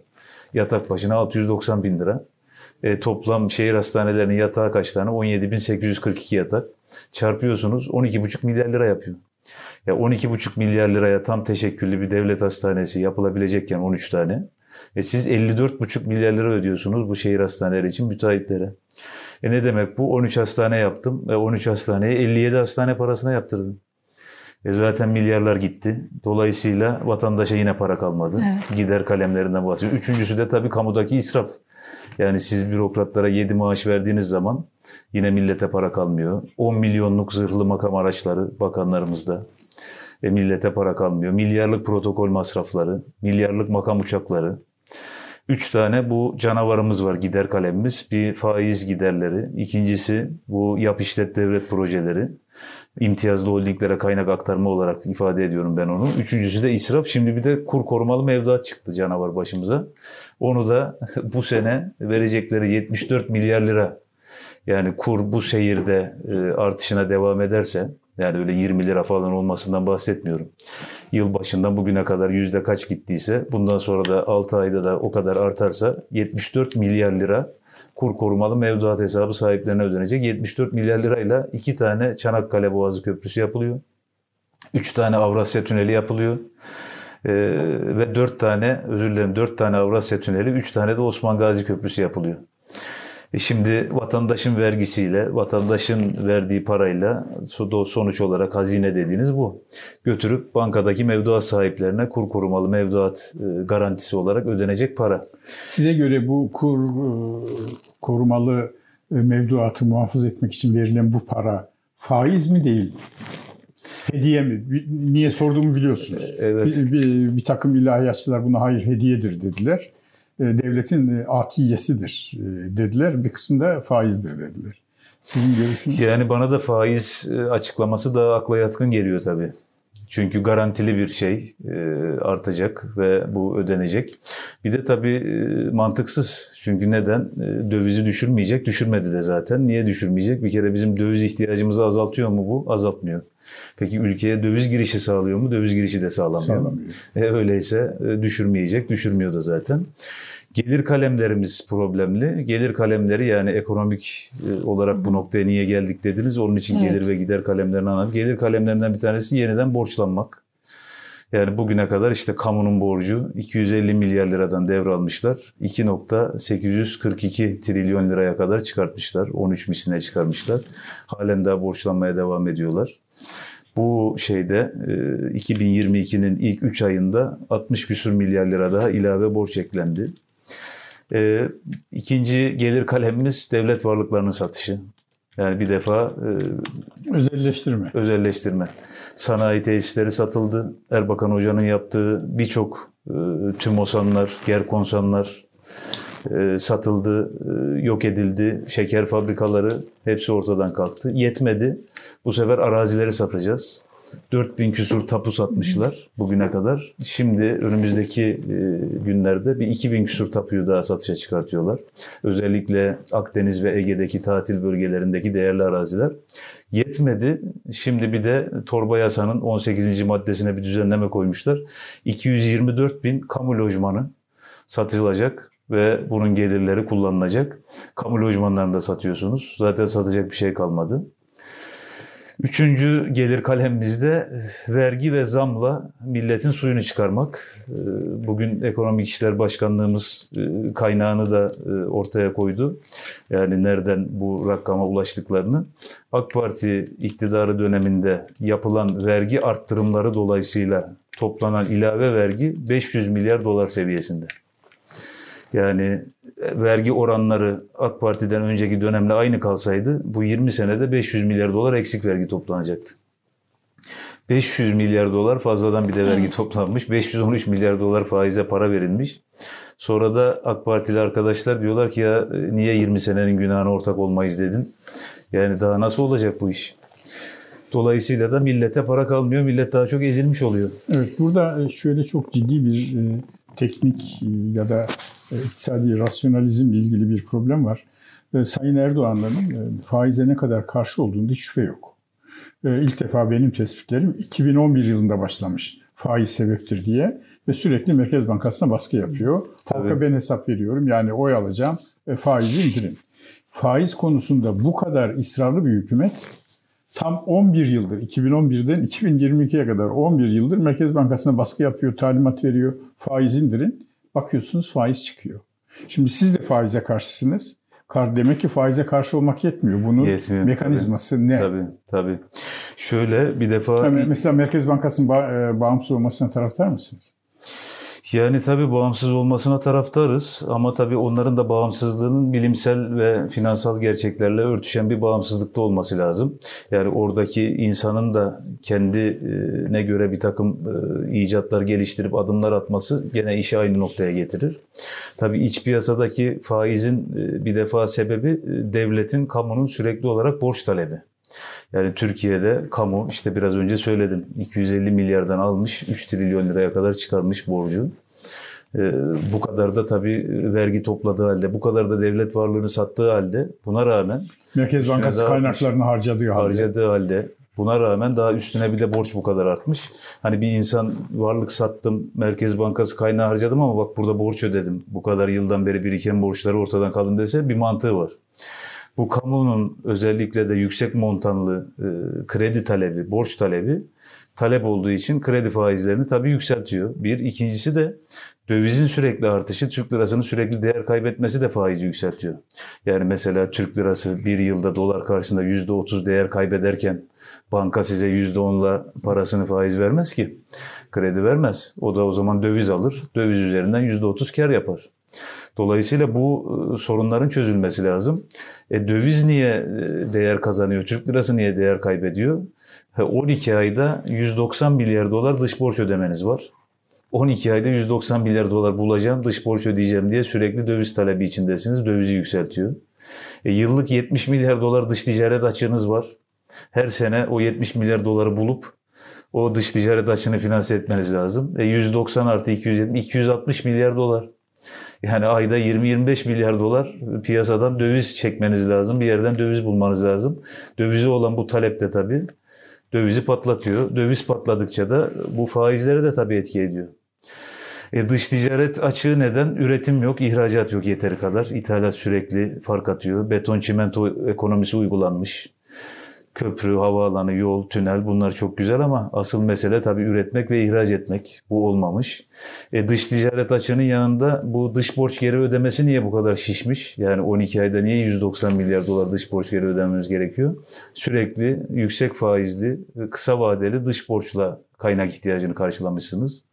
E, bu da yani dövizin yükselmesi uzaydan gelmedi veya dış güçlerin operasyonuyla olmadı. Bizim borç faiz ekonomimizden, beton çimento ekonomimizden yükseldi dövizde. Peki siz faiz sebep e, enflasyon sonuç e, Sayın e, Erdoğan'ın bu ekonomik model ya da teziyle alakalı. Çünkü e, merhum Erbakan Hoca da faiz karşıtıydı. Tabii tabii. E, Ama... Sürekli hani faiz dobilerinden bahsederdi. Ee, dolayısıyla e, Sayın Erdoğan'la Yeniden Refah Partisi arasında bir faiz karşılığı konusunda bir ortak ee, Karşıtlık konusunda ortaklık var da Siz de mesela bu şeye, yani bu teze katılıyor musunuz? Faiz 513 sebep... milyar dolar faiz ödemişler bir buçuk trilyon lira daha ödeyeceğim diyor ve faize karşıyım diyorlar. E şimdi ben bazen diyorum ki ya iyi ki faize karşı bir hükümet var. Bir de karşı olmasa ne kadar ödeyecekti, ne yapacaktı gerçekten de inanılır gibi değil. Tabii aynesi iştir kişinin lafa bakılmaz. Bir ikincisi de tabii enflasyonun sebebi birincisi dövizin artması. Çünkü siz Türkiye'de ürettiğiniz ürünü bile üretirken %80 oranında dışarıdan ham madde malzeme getirip üretiyorsun. Yani Türk malı etiketi olan üzerinde bir ürün ürettim koydum %80'i dışarıya bağımlı. E dışarıdan aldığın ham madde malzeme döviz arttıkça fiyatı artıyor. Dolayısıyla da sizin Türk malı dediğiniz ürünün bile fiyatı artıyor. Yani dövizin artışı enflasyonun en önemli sebeplerinden. Diğeri de üretimsizlik. Yani AK Parti iktidara geldiğinde Türkiye'nin nüfusu 65 milyon yanlış hatırlamıyorsam. 85 milyon olmuşuz. Neredeyse %20 nüfus artmış. Tarım üretimi yarı yarıya düşmüş. E bu bir arz talep e, meselesi zaten. Sizin talebiniz artıyor, arzınız düşüyor. Dolayısıyla da tabii. Siz mesela Erdoğan'ın kurmuş olduğu bu enflasyon ve faiz arasındaki bağ doğru olduğunu düşünüyor musunuz? Doğru Siz... değil tabii olmadı da gözüktü zaten. Hı. Tabii yani asıl enflasyonu yükselten dediğim gibi Türkiye gibi ülkelerde dışa bağımlı ekonomilerde dövizin yükselmesi ve aynı zamanda da üretimsizlik. Yani siz patatesi, soğanı bile, dışarıdan domatesi, biberi bile, buğdayı, ayçiçek yağını getireceksiniz. Hepsi dövizle geliyor. E, tarım üretiminin girdileri dışarıdan geliyor. Mesela gübre. Gübre Türkiye'de üretiyor. Türkiye'de üretsen de onun azotu dışarıdan geliyor. Ham maddesi dışarıdan geliyor. E, dolayısıyla da girdiler, girdi maliyetleri artıyor. O maliyetler de nihai ürün fiyatına yansıyor. Enerjiniz ithal, akaryakıt fiyatı artıyor. E, dolayısıyla nakliye artıyor. Mesela işte Adana'da biz hale gittik. Buradan diyor Ağrı'ya 3 bin liraya giden diyor şey pardon 7 bin liraya giden kamyon şimdi diyor 20 bin liraya gidiyor diyor. Sonra da geliyorlar bize stokçusun bilmem işte e, operasyon çekiyorsun hükümete diyorlar ya 7 bin liraya giden kamyon 20 bine giderken bu maliyete yansımayacak mı? Ağrı'da tabii ki pahalanacak. E, dolayısıyla bu e, dışa bağımlı ekonomilerde dediğim gibi dövizdeki artış asıl enflasyona yol açıyor. Bir de tabii arz talep dengesini bozmuşsunuz. Üretmiyorsunuz. E, talebiniz artıyor, nüfusunuz artıyor. Ona e, karşılık yetecek kadar üretiminiz yok. Dolayısıyla arz düşük, talep yüksek. Bu da tabii fiyatları arttırıyor. Tabii Erdoğan'ın teorisi tutmadı. Ee, enflasyon e, sonuçtur, faiz sebeptir teorisi. İşte faizi düşürdüler, ee, enflasyon patlamaya devam etti. %150 enflasyondan bahsediyoruz. Demek ki yani faiz sebep enflasyon sonuç diye bir durum yokmuş. O da ortaya çıktı. Zaten faiz de düşmedi de yani siz Merkez Bankası tabii, faizini tabii. düşürdünüz. Emir verince faiz düşmüyor. düşmüyor. Piyasaya emir verir, verir Piyasanın faizleri %28-30. 8.62 ile dolar borcu alıyorsun. Devlet olarak nasıl faiz düşmüş? Dünyanın hiçbir yerinde görünmüyor. %28 ile TL borcu alıyorsun. Yani sen 14'e düşürdüm, 12'ye düşürdüm diye faiz düşmüyor ki. Düşse neden devlet olarak %28 ile TL borçlanıyorsunuz? Sayın e, Erbakan, Fatih Erbakan diye babanız da akla gelebilir. Evet tabii. Sizin bu anlattıklarınızı e, Sayın Tayyip Erdoğan yaşıyor bir 10 yıllık dönem var. Ee, e, makul bir büyüme, e, ihracatta ciddi bir artış. E, Kemal Derviş'ten devralınan programla, Avrupa Birliği'nden gelen yatırımlarla falan. Ama son 10 yıldır Sayın Erdoğan faiz sebeptir diyor. Her faiz sebeptir dediğinde enflasyon yükseliyor. Sizin bu anlattığınızı kendisi görüyor. Niye devam ediyor? Yani kendisine sormak lazım herhalde. Sizin yorumunuzu Miktarda. soruyorum yani. Evet. Yani bir miktarda tabii e, etrafındakilerin de etkisi oluyor mudur diye yıllardan beri söylenen e, kuşkuları ben de zaman zaman taşıyorum. Ne demek yönlendiren. Onlar? Yani uzmanlar, efendim ekonomistler, etrafındaki insanlar onu bu şekilde yanlış mı yönlendiriyorlar diye. Hı. Çünkü mesele son derece açık ve net. Yani bir yıl, iki yıl yanlış yönlendiriyor da on yıldır ya. E, enflasyon yükselerek geliyor, döviz yükselerek geliyor, yatırımlar azalarak geliyor, tüketim artarak geliyor. Ama bir yandan da mesela diyor ki ya dükkanlar kapanıyor dediniz ben arkadaşlara sordum kapanan falan yok dedi. İşte bin liraya, bin yedi liraya bir şeyden Tarım Kredi Kooperatifinin marketinden alışveriş yaptı. Çok uygunmuş. Fiyatlar çok ucuz dedi. Yani biraz gerçek hayattan uzaklaşma durumu da sanki kendisinde var gibi. Evet. Yani asgari ücretin 4 bin lira olduğu bir yerde siz bir marketten bin liraya çıkınca nasıl uygun diyeceksiniz. Evet. Tabii. Süremiz de doluyor. Dış politikaya e, geçelim.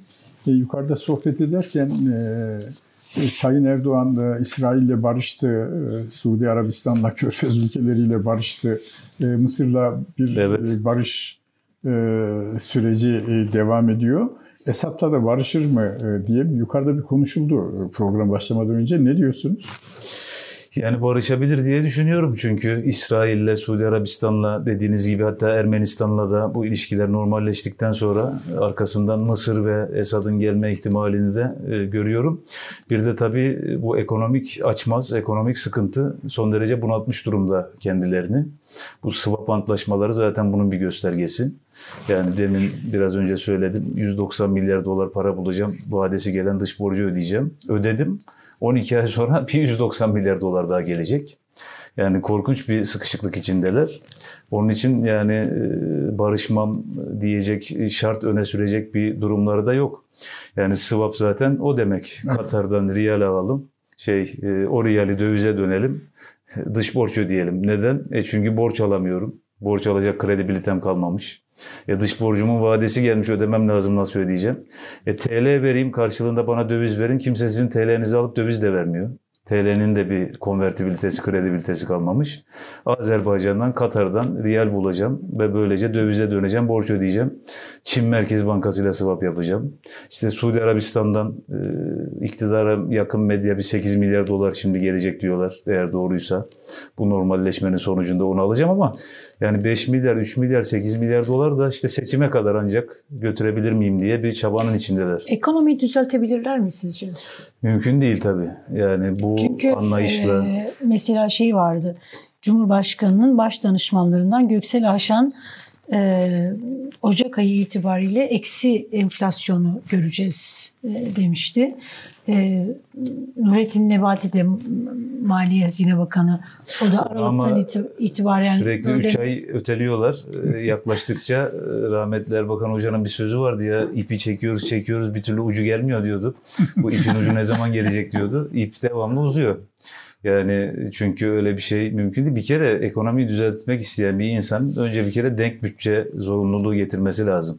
Başta e, Cumhurbaşkanlığı ve bakanlıklar olmak üzere, belediyeler olmak üzere. Kardeşim ortam e, hepinizin malumu, durum ortada. Yani ne münasebet bizim gelirimiz kadar giderimiz olacak. Gelirimizden fazla kimse gider yapmayacak. Yani borçlanmaya devam ettiğimiz sürece, sıcak parayla, borçla, krediyle bu işi çevirmeye çalıştığımız sürece bir sonuç vermesi, bir yere varabilmeleri tabii mümkün değil. İmtiyazlara kaynak aktarımı tam gaz devam ediyor. İşte Çanakkale Köprüsü. Yani 16.4 milyon araç geçiş garantisi veriyorsunuz. Normalde bir yılda en fazla geçen araç sayısı 4 milyon. Yani uzmanlar kendini parçaladı tabiri caizse. Dediler ki ya buradan istatistikler ortada. Bu boğazdan geçen araç sayısı belli. Yani 4 milyon aracın geçtiği bir yerde 16.4 milyon araç geçiş garantisi vermek nasıl oluyor? Kütahya Zafer Havalimanı'nda Evet. %98 hatayla yani bu nasıl bir hata olabilir? Yani 100 yolcu geçecek garantisi vermişsiniz, 2 yolcu geçmiş. E bir yandan bu devam. Bir yandan israf devam ediyor. Hiç biz 3 maaşlı, 5 maaşlı bir tane bürokrat kalırsa ben kendi elimle onu görevden alacağım. Böyle şey mi olur? Bundan sonra böyle bir şey asla duymayacağız, görmeyeceğiz dediklerini de duymuyoruz. E, israf devam ettiği sürece, imtiyazlara kaynak aktarımı devam ettiği sürece, borçlanma devam ettiği sürece de bir düzelmenin olması tabii mümkün değil. Peki Sayın Erbakan erken seçim bekliyor musunuz? Bir beklentiniz var mı? Yani tabii bu yeni sistem yürürlüğe girmesi için üzerinden bir sene geçmesi lazım biliyorsunuz e, seçim sisteminin. Onu bekleyeceklerdir diye düşünüyorum. Ama geçenlerde bir arkadaşımız dedi ki ya işte Tayyip Erdoğan çok şeydir, sonuç odaklıdır. Baktı ki anketlerde veya havada e, kazanabileceğini düşündü. Mevcut sistemle de hemen seçime giderse bir sonuç alabileceğini düşündü. Ekim'de, Kasım'da bir seçimde yapabilir e, diye söyledi. Doğru söylüyor. Ama ben öyle bir havanın olacağını, öyle bir noktaya gelebileceklerini de pek zannetmiyorum. Oylar sürekli düzenli olarak erimeye, düşmeye devam ediyor. Yani bir kere tabii artık e, bıçak kemiğe dayandı. Bizim bir Ankara'da tanıdığımız kebapçı arkadaşımız var. E, diyor ki efendim 20 milyar lira diyor kira ödüyorum. E, 35 milyar lira elektrik faturası geliyor. Sinop'a gitmiş arkadaşlar esnaf ziyareti yapıyorlar. Sinop'ta orta halli bir pastane. Zaten Sinop Türkiye'nin en küçük illerinden bir tanesi. Pastaneci içeriden faturayı getirdi inanmazsak diye diyor. 15 milyar lira elektrik faturası 15 bin lira yani. 15 bin lira. Biz de eski şeyde kalmışız. Ee, depo dolduruyorsunuz. Arabanızın deposu 1000 liraya 1500 liraya doluyor. Yani çiftçi aynı şekilde perişan. Yani bir gübrenin fiyatı bir senede %500 arttığı zaman siz ne yapabilirsiniz? Ne ekebilmesi mümkün, ekse e, satabilmesi mümkün. Satsa zaten maliyetini karşılaması mümkün değil. Bu e, şartlarda da oyları da tabii erimeye devam ediyor. Dolayısıyla bütün bu söylediklerimizin sonunda ben herhalde işte 2023'ün Mayıs'ında, Haziran'ında olur. Bu yeni sisteminde yürürlüğe girmesini beklerler diye tahmin ediyorum. Bu yeni seçim kanunu e, yeniden Refah Partisi'ni nasıl etkiledi Bu yeni seçim kanunu biraz önce söylediğim gibi efendim benim yüzde bir oyum var, iki oyum var, üç oyum var. Bir ittifaka girip e, meclise girerim, temsil edilirim e, kısmını ortadan aslında kaldırdı. Kendiniz en az bir yüzde beşi bulamazsanız bir ittifakta olsanız Ki ittifaka da girmediğiniz takdirde %7'yi aşmanız lazım. Girmezseniz de %7'yi aşmanız lazım. lazım. Ee, dolayısıyla burada aslında yapılması gereken e, çalışmak ve güçlü bir şekilde %7'yi aşacak şekilde seçimlere girmeye e, uğraşmak. İttifakların da çok fazla bir cazibesi özellikle yeterli e, üye sayınız, oy oranınız yoksa ittifakların da çok bir cazibesi kalmıyor. Kalmadı, doğru. Biz de şu anda işte 350 bine yakın üyemizi bir an önce 500 bin yapalım. Çünkü İyi Parti'nin üye sayısı hemen hemen 500 küsur bin. İşte MHP'nin 400 küsur bin. Ve böylece diyelim ki bizim baraj problemimiz de tamamen ortadan kalkmıştır. Mecliste grubu olan partiler kadar üyemiz var. Hatta onlardan daha fazla üyemiz var. Dolayısıyla biz kendimiz giriyoruz. MHP'nin 400 bin üyesi 400 mi? 400 küsur bin evet. 450-400 İyi Parti'nin ne kadar dediniz? İyi Parti de 500 bini yeni geçti. 530-540 bin civarında. MHP'yi geçmiş yani. MHP'yi Zaten geçti. kamuoyu araştırmalarında da MHP'nin Ama siz de MHP'yi yakalamak üzeresiniz. Ya yani. MHP'yi yakalayacağız. Şu elimizdeki formlara da girersek inşallah. Onlarda şu sorun oluyor. Bir ay önce almışsınız formu. TC kimlik numarasını yanlış yazmış giremiyorsunuz. Bir ay önce almışsınız, 15 gün önce almışsınız, gireceksiniz sisteme bakıyorsunuz AK Parti üyesi çıkıyor. Arıyorsunuz AK Parti'den üyeliğini sildir. O yaşlı amca diyor ki ya benim e-devletim yok. Benim gidip e, şeyden sildirmem lazım. O nedenle biraz e, gecikiyor, sıkıntı yaşıyoruz. Ama bir yandan e, yeni üyelerde yapılmaya devam ediyor. Bizim hedefimiz şu anda yıl sonuna kadar 500 bin üye hedefine ulaşmak inşallah. Peki Fatih Bey burada şöyle bir çelişki yok mu?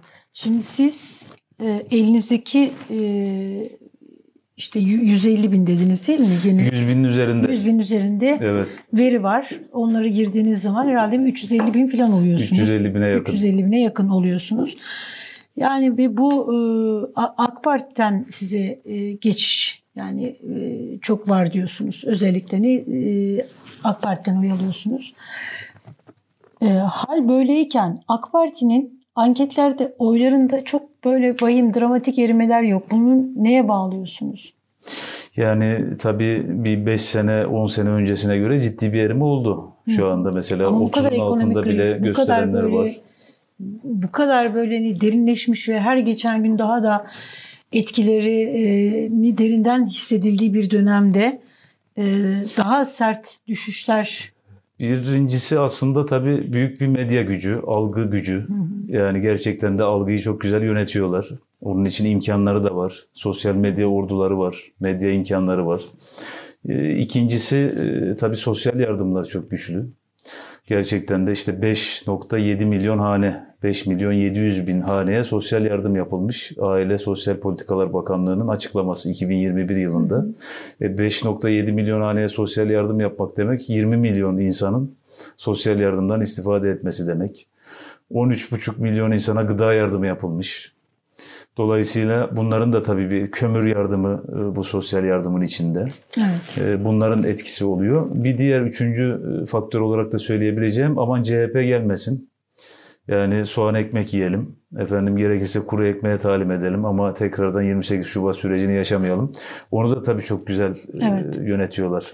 Yani mesela hatırlatmak için iktidara yakın kanallar sürekli 28 Şubat sürecinin görüntülerini veriyor, belgeseller yapıyor. İşte tek parti dönemindeki uygulamaları e, katılımcılar anlatıyorlar. CHP'nin Böylece... E, açılımını istemiyorlar. Yani CHP'nin merkeze açılmasını eski katı e, e, politikaları terk ettiğini terk gündeme getirmiyorlar. E, ben şu e, İslami kitle açısından şunu sormak istiyorum. E, böyle bir kriz, e, siz hem hatırlarsınız hem okumuşsunuzdur. E, Türkiye'de Adnan Menderes'in oylarını CHP'nin altına düşürdü. Bir seçimde kaybedecekti bu besbelli. Orada da bu endişeler vardı. Ha, bu endişeler vardı. Artı ona rağmen oylarını kaybetmişti. %47'ye düşmüştü. %54'ten rahmetli Menderes darbe belası gelmeyip de seçim olsaydı kaybedeceği konusunda bütün Ali Fuat Başgil dahil olmak üzere araştırmacılar müttefik. E, böyle bir ekonomik kriz Ecevit'i götürdü. Böyle bir ekonomik kriz Süleyman Demirel'i götürdü. Böyle bir ekonomik kriz 1990'lı yıllarda merkez sağı, doğru yolu ve ANAP'ı bitirdi. Ama şimdi %30'dan bahsediyoruz. İsterseniz %25 deyin fark etmez. Bunu da şuraya e, geleceğim. E bazı faktörler anlattınız. Sosyal yardım Tabii. falan. İslami camiadaki biat, e, sadakat, ümmetin lideri, e, fitne çıkarmayın, gibi kültürler AK Parti'ye sadakati, Erdoğan'ın şahsına sadakati takviye etmiyor mu? Ediyor mutlaka dediğiniz gibi ama tabii bu sadakatin ve itaatin prensipler çerçevesinde olması çok önemli. Yani şimdi mesela dün NATO'nun Libya'da ne işi var derken bugün NATO'nun Libya operasyonuna destek olursak efendim dün rahip Fransını kimse veremez ben burada olduğum sürece deyip bugün verirsek dün kardeşim dediğimiz Esad'a bugün katil dersek efendim dün e, Hoca Efendi Hazretleri derken bugün e, terör örgütü lideri FETÖ dersek böyle zikzaklarla e, ve prensiplere uygun olmayan hareketlere rağmen bir itaatin olması uygun bir şey değil. Sorun buradan yaşanıyor bence kaynaklanıyor. Yani, Yoksa prensiplere uyulsa itaat etmeleri e, parti programıdır o prensiplerde tabii. E, o normal ama buna rağmen bu itaat. Bir de bizim bir e, arkadaşımızın güzel bir tabiri var. Tayyip Bey diyor Kadir Gecesi doğmuş. Hatta bir arkadaşı da bunu söyleyince demiş Allah'ın sevgili kuluymuş sevgili demek kulu. bir eksiğim var demiş. Doğduğu sene Kadir Gecesi de Cuma Gecesi'ne denk gelmiş. Hem Cuma hem Kadir demiş. Şimdi sizin verdiğiniz örneklere de bakınca dediğiniz gibi gerçekten de çok daha aşağı yani barajın altına düşmesi lazım normalde. Yani bu verilerle. Hani Demirel'in %52 e, oy alan partisi yok ortada. Yok, Öyle değil mi? Ya, Rahmetli tabii. Turgut Özal'ın %40 e, oy alan partisi ortada yok. yok. Ecevit'in %48 oy alan partisi yok. Hatta Bunlar hep kriz götürdü. 22 almıştı 1'e düştü biliyorsunuz. Evet, 2000'de evet. tabii 2002'de tabii. Yani biraz da o arkadaşa da hak vermemek elde değil. Bir Kadir Gecesi etkisi de var gibi gözüküyor. Valla Fatih Bey siz de bunu onaylıyorsanız o vakit e, Cenab-ı Hak e, Tayyip Bey'i destekliyor demektir. Değil mi? Evet işi rast gidiyor Ne diyeceksiniz yani. böyle denirse size bir AK Partili gelir de evet. e, ya e, Fatih Bey sen televizyonda söyledin Kadir Gecesi doğmuş bu adama biat etmek lazım derse. Yani dünya için nasipli diyebiliriz yani dünya e, nimetleri bakımından nasipli diyelim. İşi rast gidiyor diyelim. Belki şanslı diyebiliriz. Ama o her zaman tabii Cenab-ı Allah'ın desteklediği, yol verdiği anlamına gelmez. E, ben şeyi sormak isterim. Programımızın sonuna geldik. Erdoğan'ın göçmen politikası konusundaki bu hızlı U dönüşünü nasıl değerlendiriyorsunuz? Bir ay öncesi 20 kadar. Gün içinde, 20, 20 gün içerisinde değil bu kadar yani hız? Tayyip Bey tabii real politik yaptığını, yapacağını hep söyledi. En başında Niye böyle bir şey etti. bir anda Çünkü göndereceğiz noktasına bakıyor. geldi? Tabii anketlerde toplumun ciddi bir tepkisi var. Gitmesini istiyorlar. Dolayısıyla da o gitmesini isteyenlerin gönlünü kazanıp oyunu alabilmek bakımından bir dönüş yapması mümkün oluyor. Daha önce de biraz önce de söylediğim örneklerde de gördüğümüz gibi birçok zikzaklar daha önce de e, maalesef yaşandı. Bu da aslında onlardan bir tanesi yani 20 gün önce dediğiniz gibi hayır biz göndermeyeceğiz derken anketleri en etkili, en sık, en geniş kapsamlı yaptıran kendileri, imkanları da var. O anketlerde halkın toplumun nabzına göre, seçmenin beklentisine göre hemen bir şekil değiştirme yoluna gidiyorlar. Yeniden Refah Partisi e, mülteci konusunda nerede duruyor? Yani bizim hep söylediğimiz bülbülü altın kafese koymuşsun yine de vatanım demiş sözüyle başlıyoruz. Onların aslında tabii dönmeleri e, hem de e, tamamının da aslında dönmesi kendileri açısından da bizim açımızdan da en iyi olandır. Ama efendim ben burada geldim, sermaye getirdim, iş kurdum, istihdam sağladım. Ee, bunların da tabii entegrasyonlu bir şekilde sağlamak lazım. Yani Avrupa'da, Batı'da, e, Amerika'da bunu yapıyorlar. İşte kanunlarımızı öğrenmesi, kültürümüzü öğrenmesi, dilimizi öğrenmesi, bunlarla ilgili sınavlara tabi olmaları, hepsinin belli bir yerde kilis gibi, Hatay gibi e, topluca bulunması yerine e, dengeli bir şekilde dağıtılması, bu prensiplere dikkat ederek ama çok çok az bir kısmı için bu geçerli olabilir. Ama e, çoğunlukla tabii dönmeleri dediğim gibi kendileri için de bizim için de en iyisidir. İnşallah orada şartlar düzelsin, savaş bir an önce ortadan kalksın da bir an önce dönsünler. Kabirleri var, e, anıları var, toprakları var, arazileri var, mülkleri var. Yani aslında onlar için de dönmek tabii kültürüne yabancısınız, diline yabancısınız bir gurbet diyarında kalmak, hele hele bu şartlarda kalmak onlar için de büyük problem. Bizim için de tabii sıkıntılara yol açıyor. Elden gelen yapıldı 10 seneden beri. Her türlü imkan seferber edildi. Bundan sonra dönmek onlar için de bizim için de en iyisi olacaktır diye düşünüyoruz. Evet. Tabii. Yok benim sorun. Peki o zaman ben bütün liderlere e, sorduğum bir soruyu size de sormak isterim. Türkiye'nin bir KHK sorunu var. E, KHK sorunuyla KHK. alakalı çözüm öneriniz nedir? gündeminizde var mı? Tabii orada e, beraat edenlerin KYK ile görevinden alınıp yargılanıp ondan sonra beraat edenlerin, aklananların mutlaka görevine iade edilmesi lazım. Yani biz hukukun Ya da soruşturma bile açılmamış olanlar var. olanlar var. Onların Onların da yani- bir an önce e, delil topluyorsanız toplamanız lazım. Yargılayacaksanız yargılamanız lazım. Bu tabii e, bir haksızlık boyutuna gidiyor. FETÖ'yle mücadelede zaten bu e, maalesef işin tabiri caizse sulanması konusuna çok gitti iş. Evet. E, kuruların yanında yaşlar da yandı. Birçok haksızlıklar, mağduriyetler oldu. O Tayyip Bey'in söylediği piramidin üst e, noktasındakiler, ihanet dediği kısım yurt dışında, Amerika'da, Avrupa'da en güzel şartlarda yaşıyor. O aşağıdaki e, gariban kesim ve ibadet, e, piramidin ibadet kesimi dediği kısımda maalesef Türkiye'de perişan oluyor. KYK'da dediğim gibi yani beraat eden, yargılanmış olanların mutlaka görevine iade edilmesi lazım. E, yargılanmamış, daha delil topluyoruz veya işte dediğiniz gibi soruşturma bile açılmamış olanların da bir an önce hızlı bir şekilde tamamlanması lazım. Suçluysa suçlu, değilse de tekrardan görevine iade edilmesi lazım. Evet. Çok teşekkür ediyoruz. Davetimizi teşekkür kabul ederim. edip geldiğiniz sağ olun. için. Hayırlı olsun inşallah. Ee, Ben çalışmalarınızda başarılar diliyoruz. Çok sağ olun. Size Sağ de olun. yayın Çok hayatınızda başarılar de çok dileriz. teşekkür ediyorum. Başarılar diliyorum. Ben teşekkür ederim. Evet. Çok sağ olun. Hayırlı olsun. Ee, Valla biz çata çat sorduk sorularımızı. Ee, babanız kadar sakinsiniz bunu söylemem lazım. Yani Sağ olun. ekranlardan Eksik olmayın. Sağ olun. izliyorduk. Yani yakından tanışma fırsatım olmadı ama e, biz bütün sorularımızı bütün e, açıklıkla sorduk. Siz de gayet böyle sakinlikle cevap verdiniz. Çok teşekkür ediyoruz. Biraz e, teşkilatlarınızdaki diyeyim partilerinizi kızdırmış olabiliriz. Evet evet. Biraz olsun böyle hayırlısı bizi olsun inşallah evet. liderimizi konuşturmadınız. Köşeye Yok, yok. sıkıştınız falan gibi böyle tepkiler de aldık. Tabii Biz bunu sorular da sorduk, Estağfurullah. lideri de cevaplarını Evet. verdi. Katılırız katılmayız o ayrı mesele. Burası zaten bir platform. Evet. evet. Tabii. Çok teşekkürler. Ee, izlediğiniz için sizlere de teşekkür ediyoruz. Bir gündem özel yayının sonuna geldik. Yeniden Refah Partisi lideri Sayın Fatih Erbakan'ı ağırladık. Ee, bu vesileyle geçmiş bayramınızı da tebrik ediyorum. Görüşünceye kadar kendinize iyi bakınız.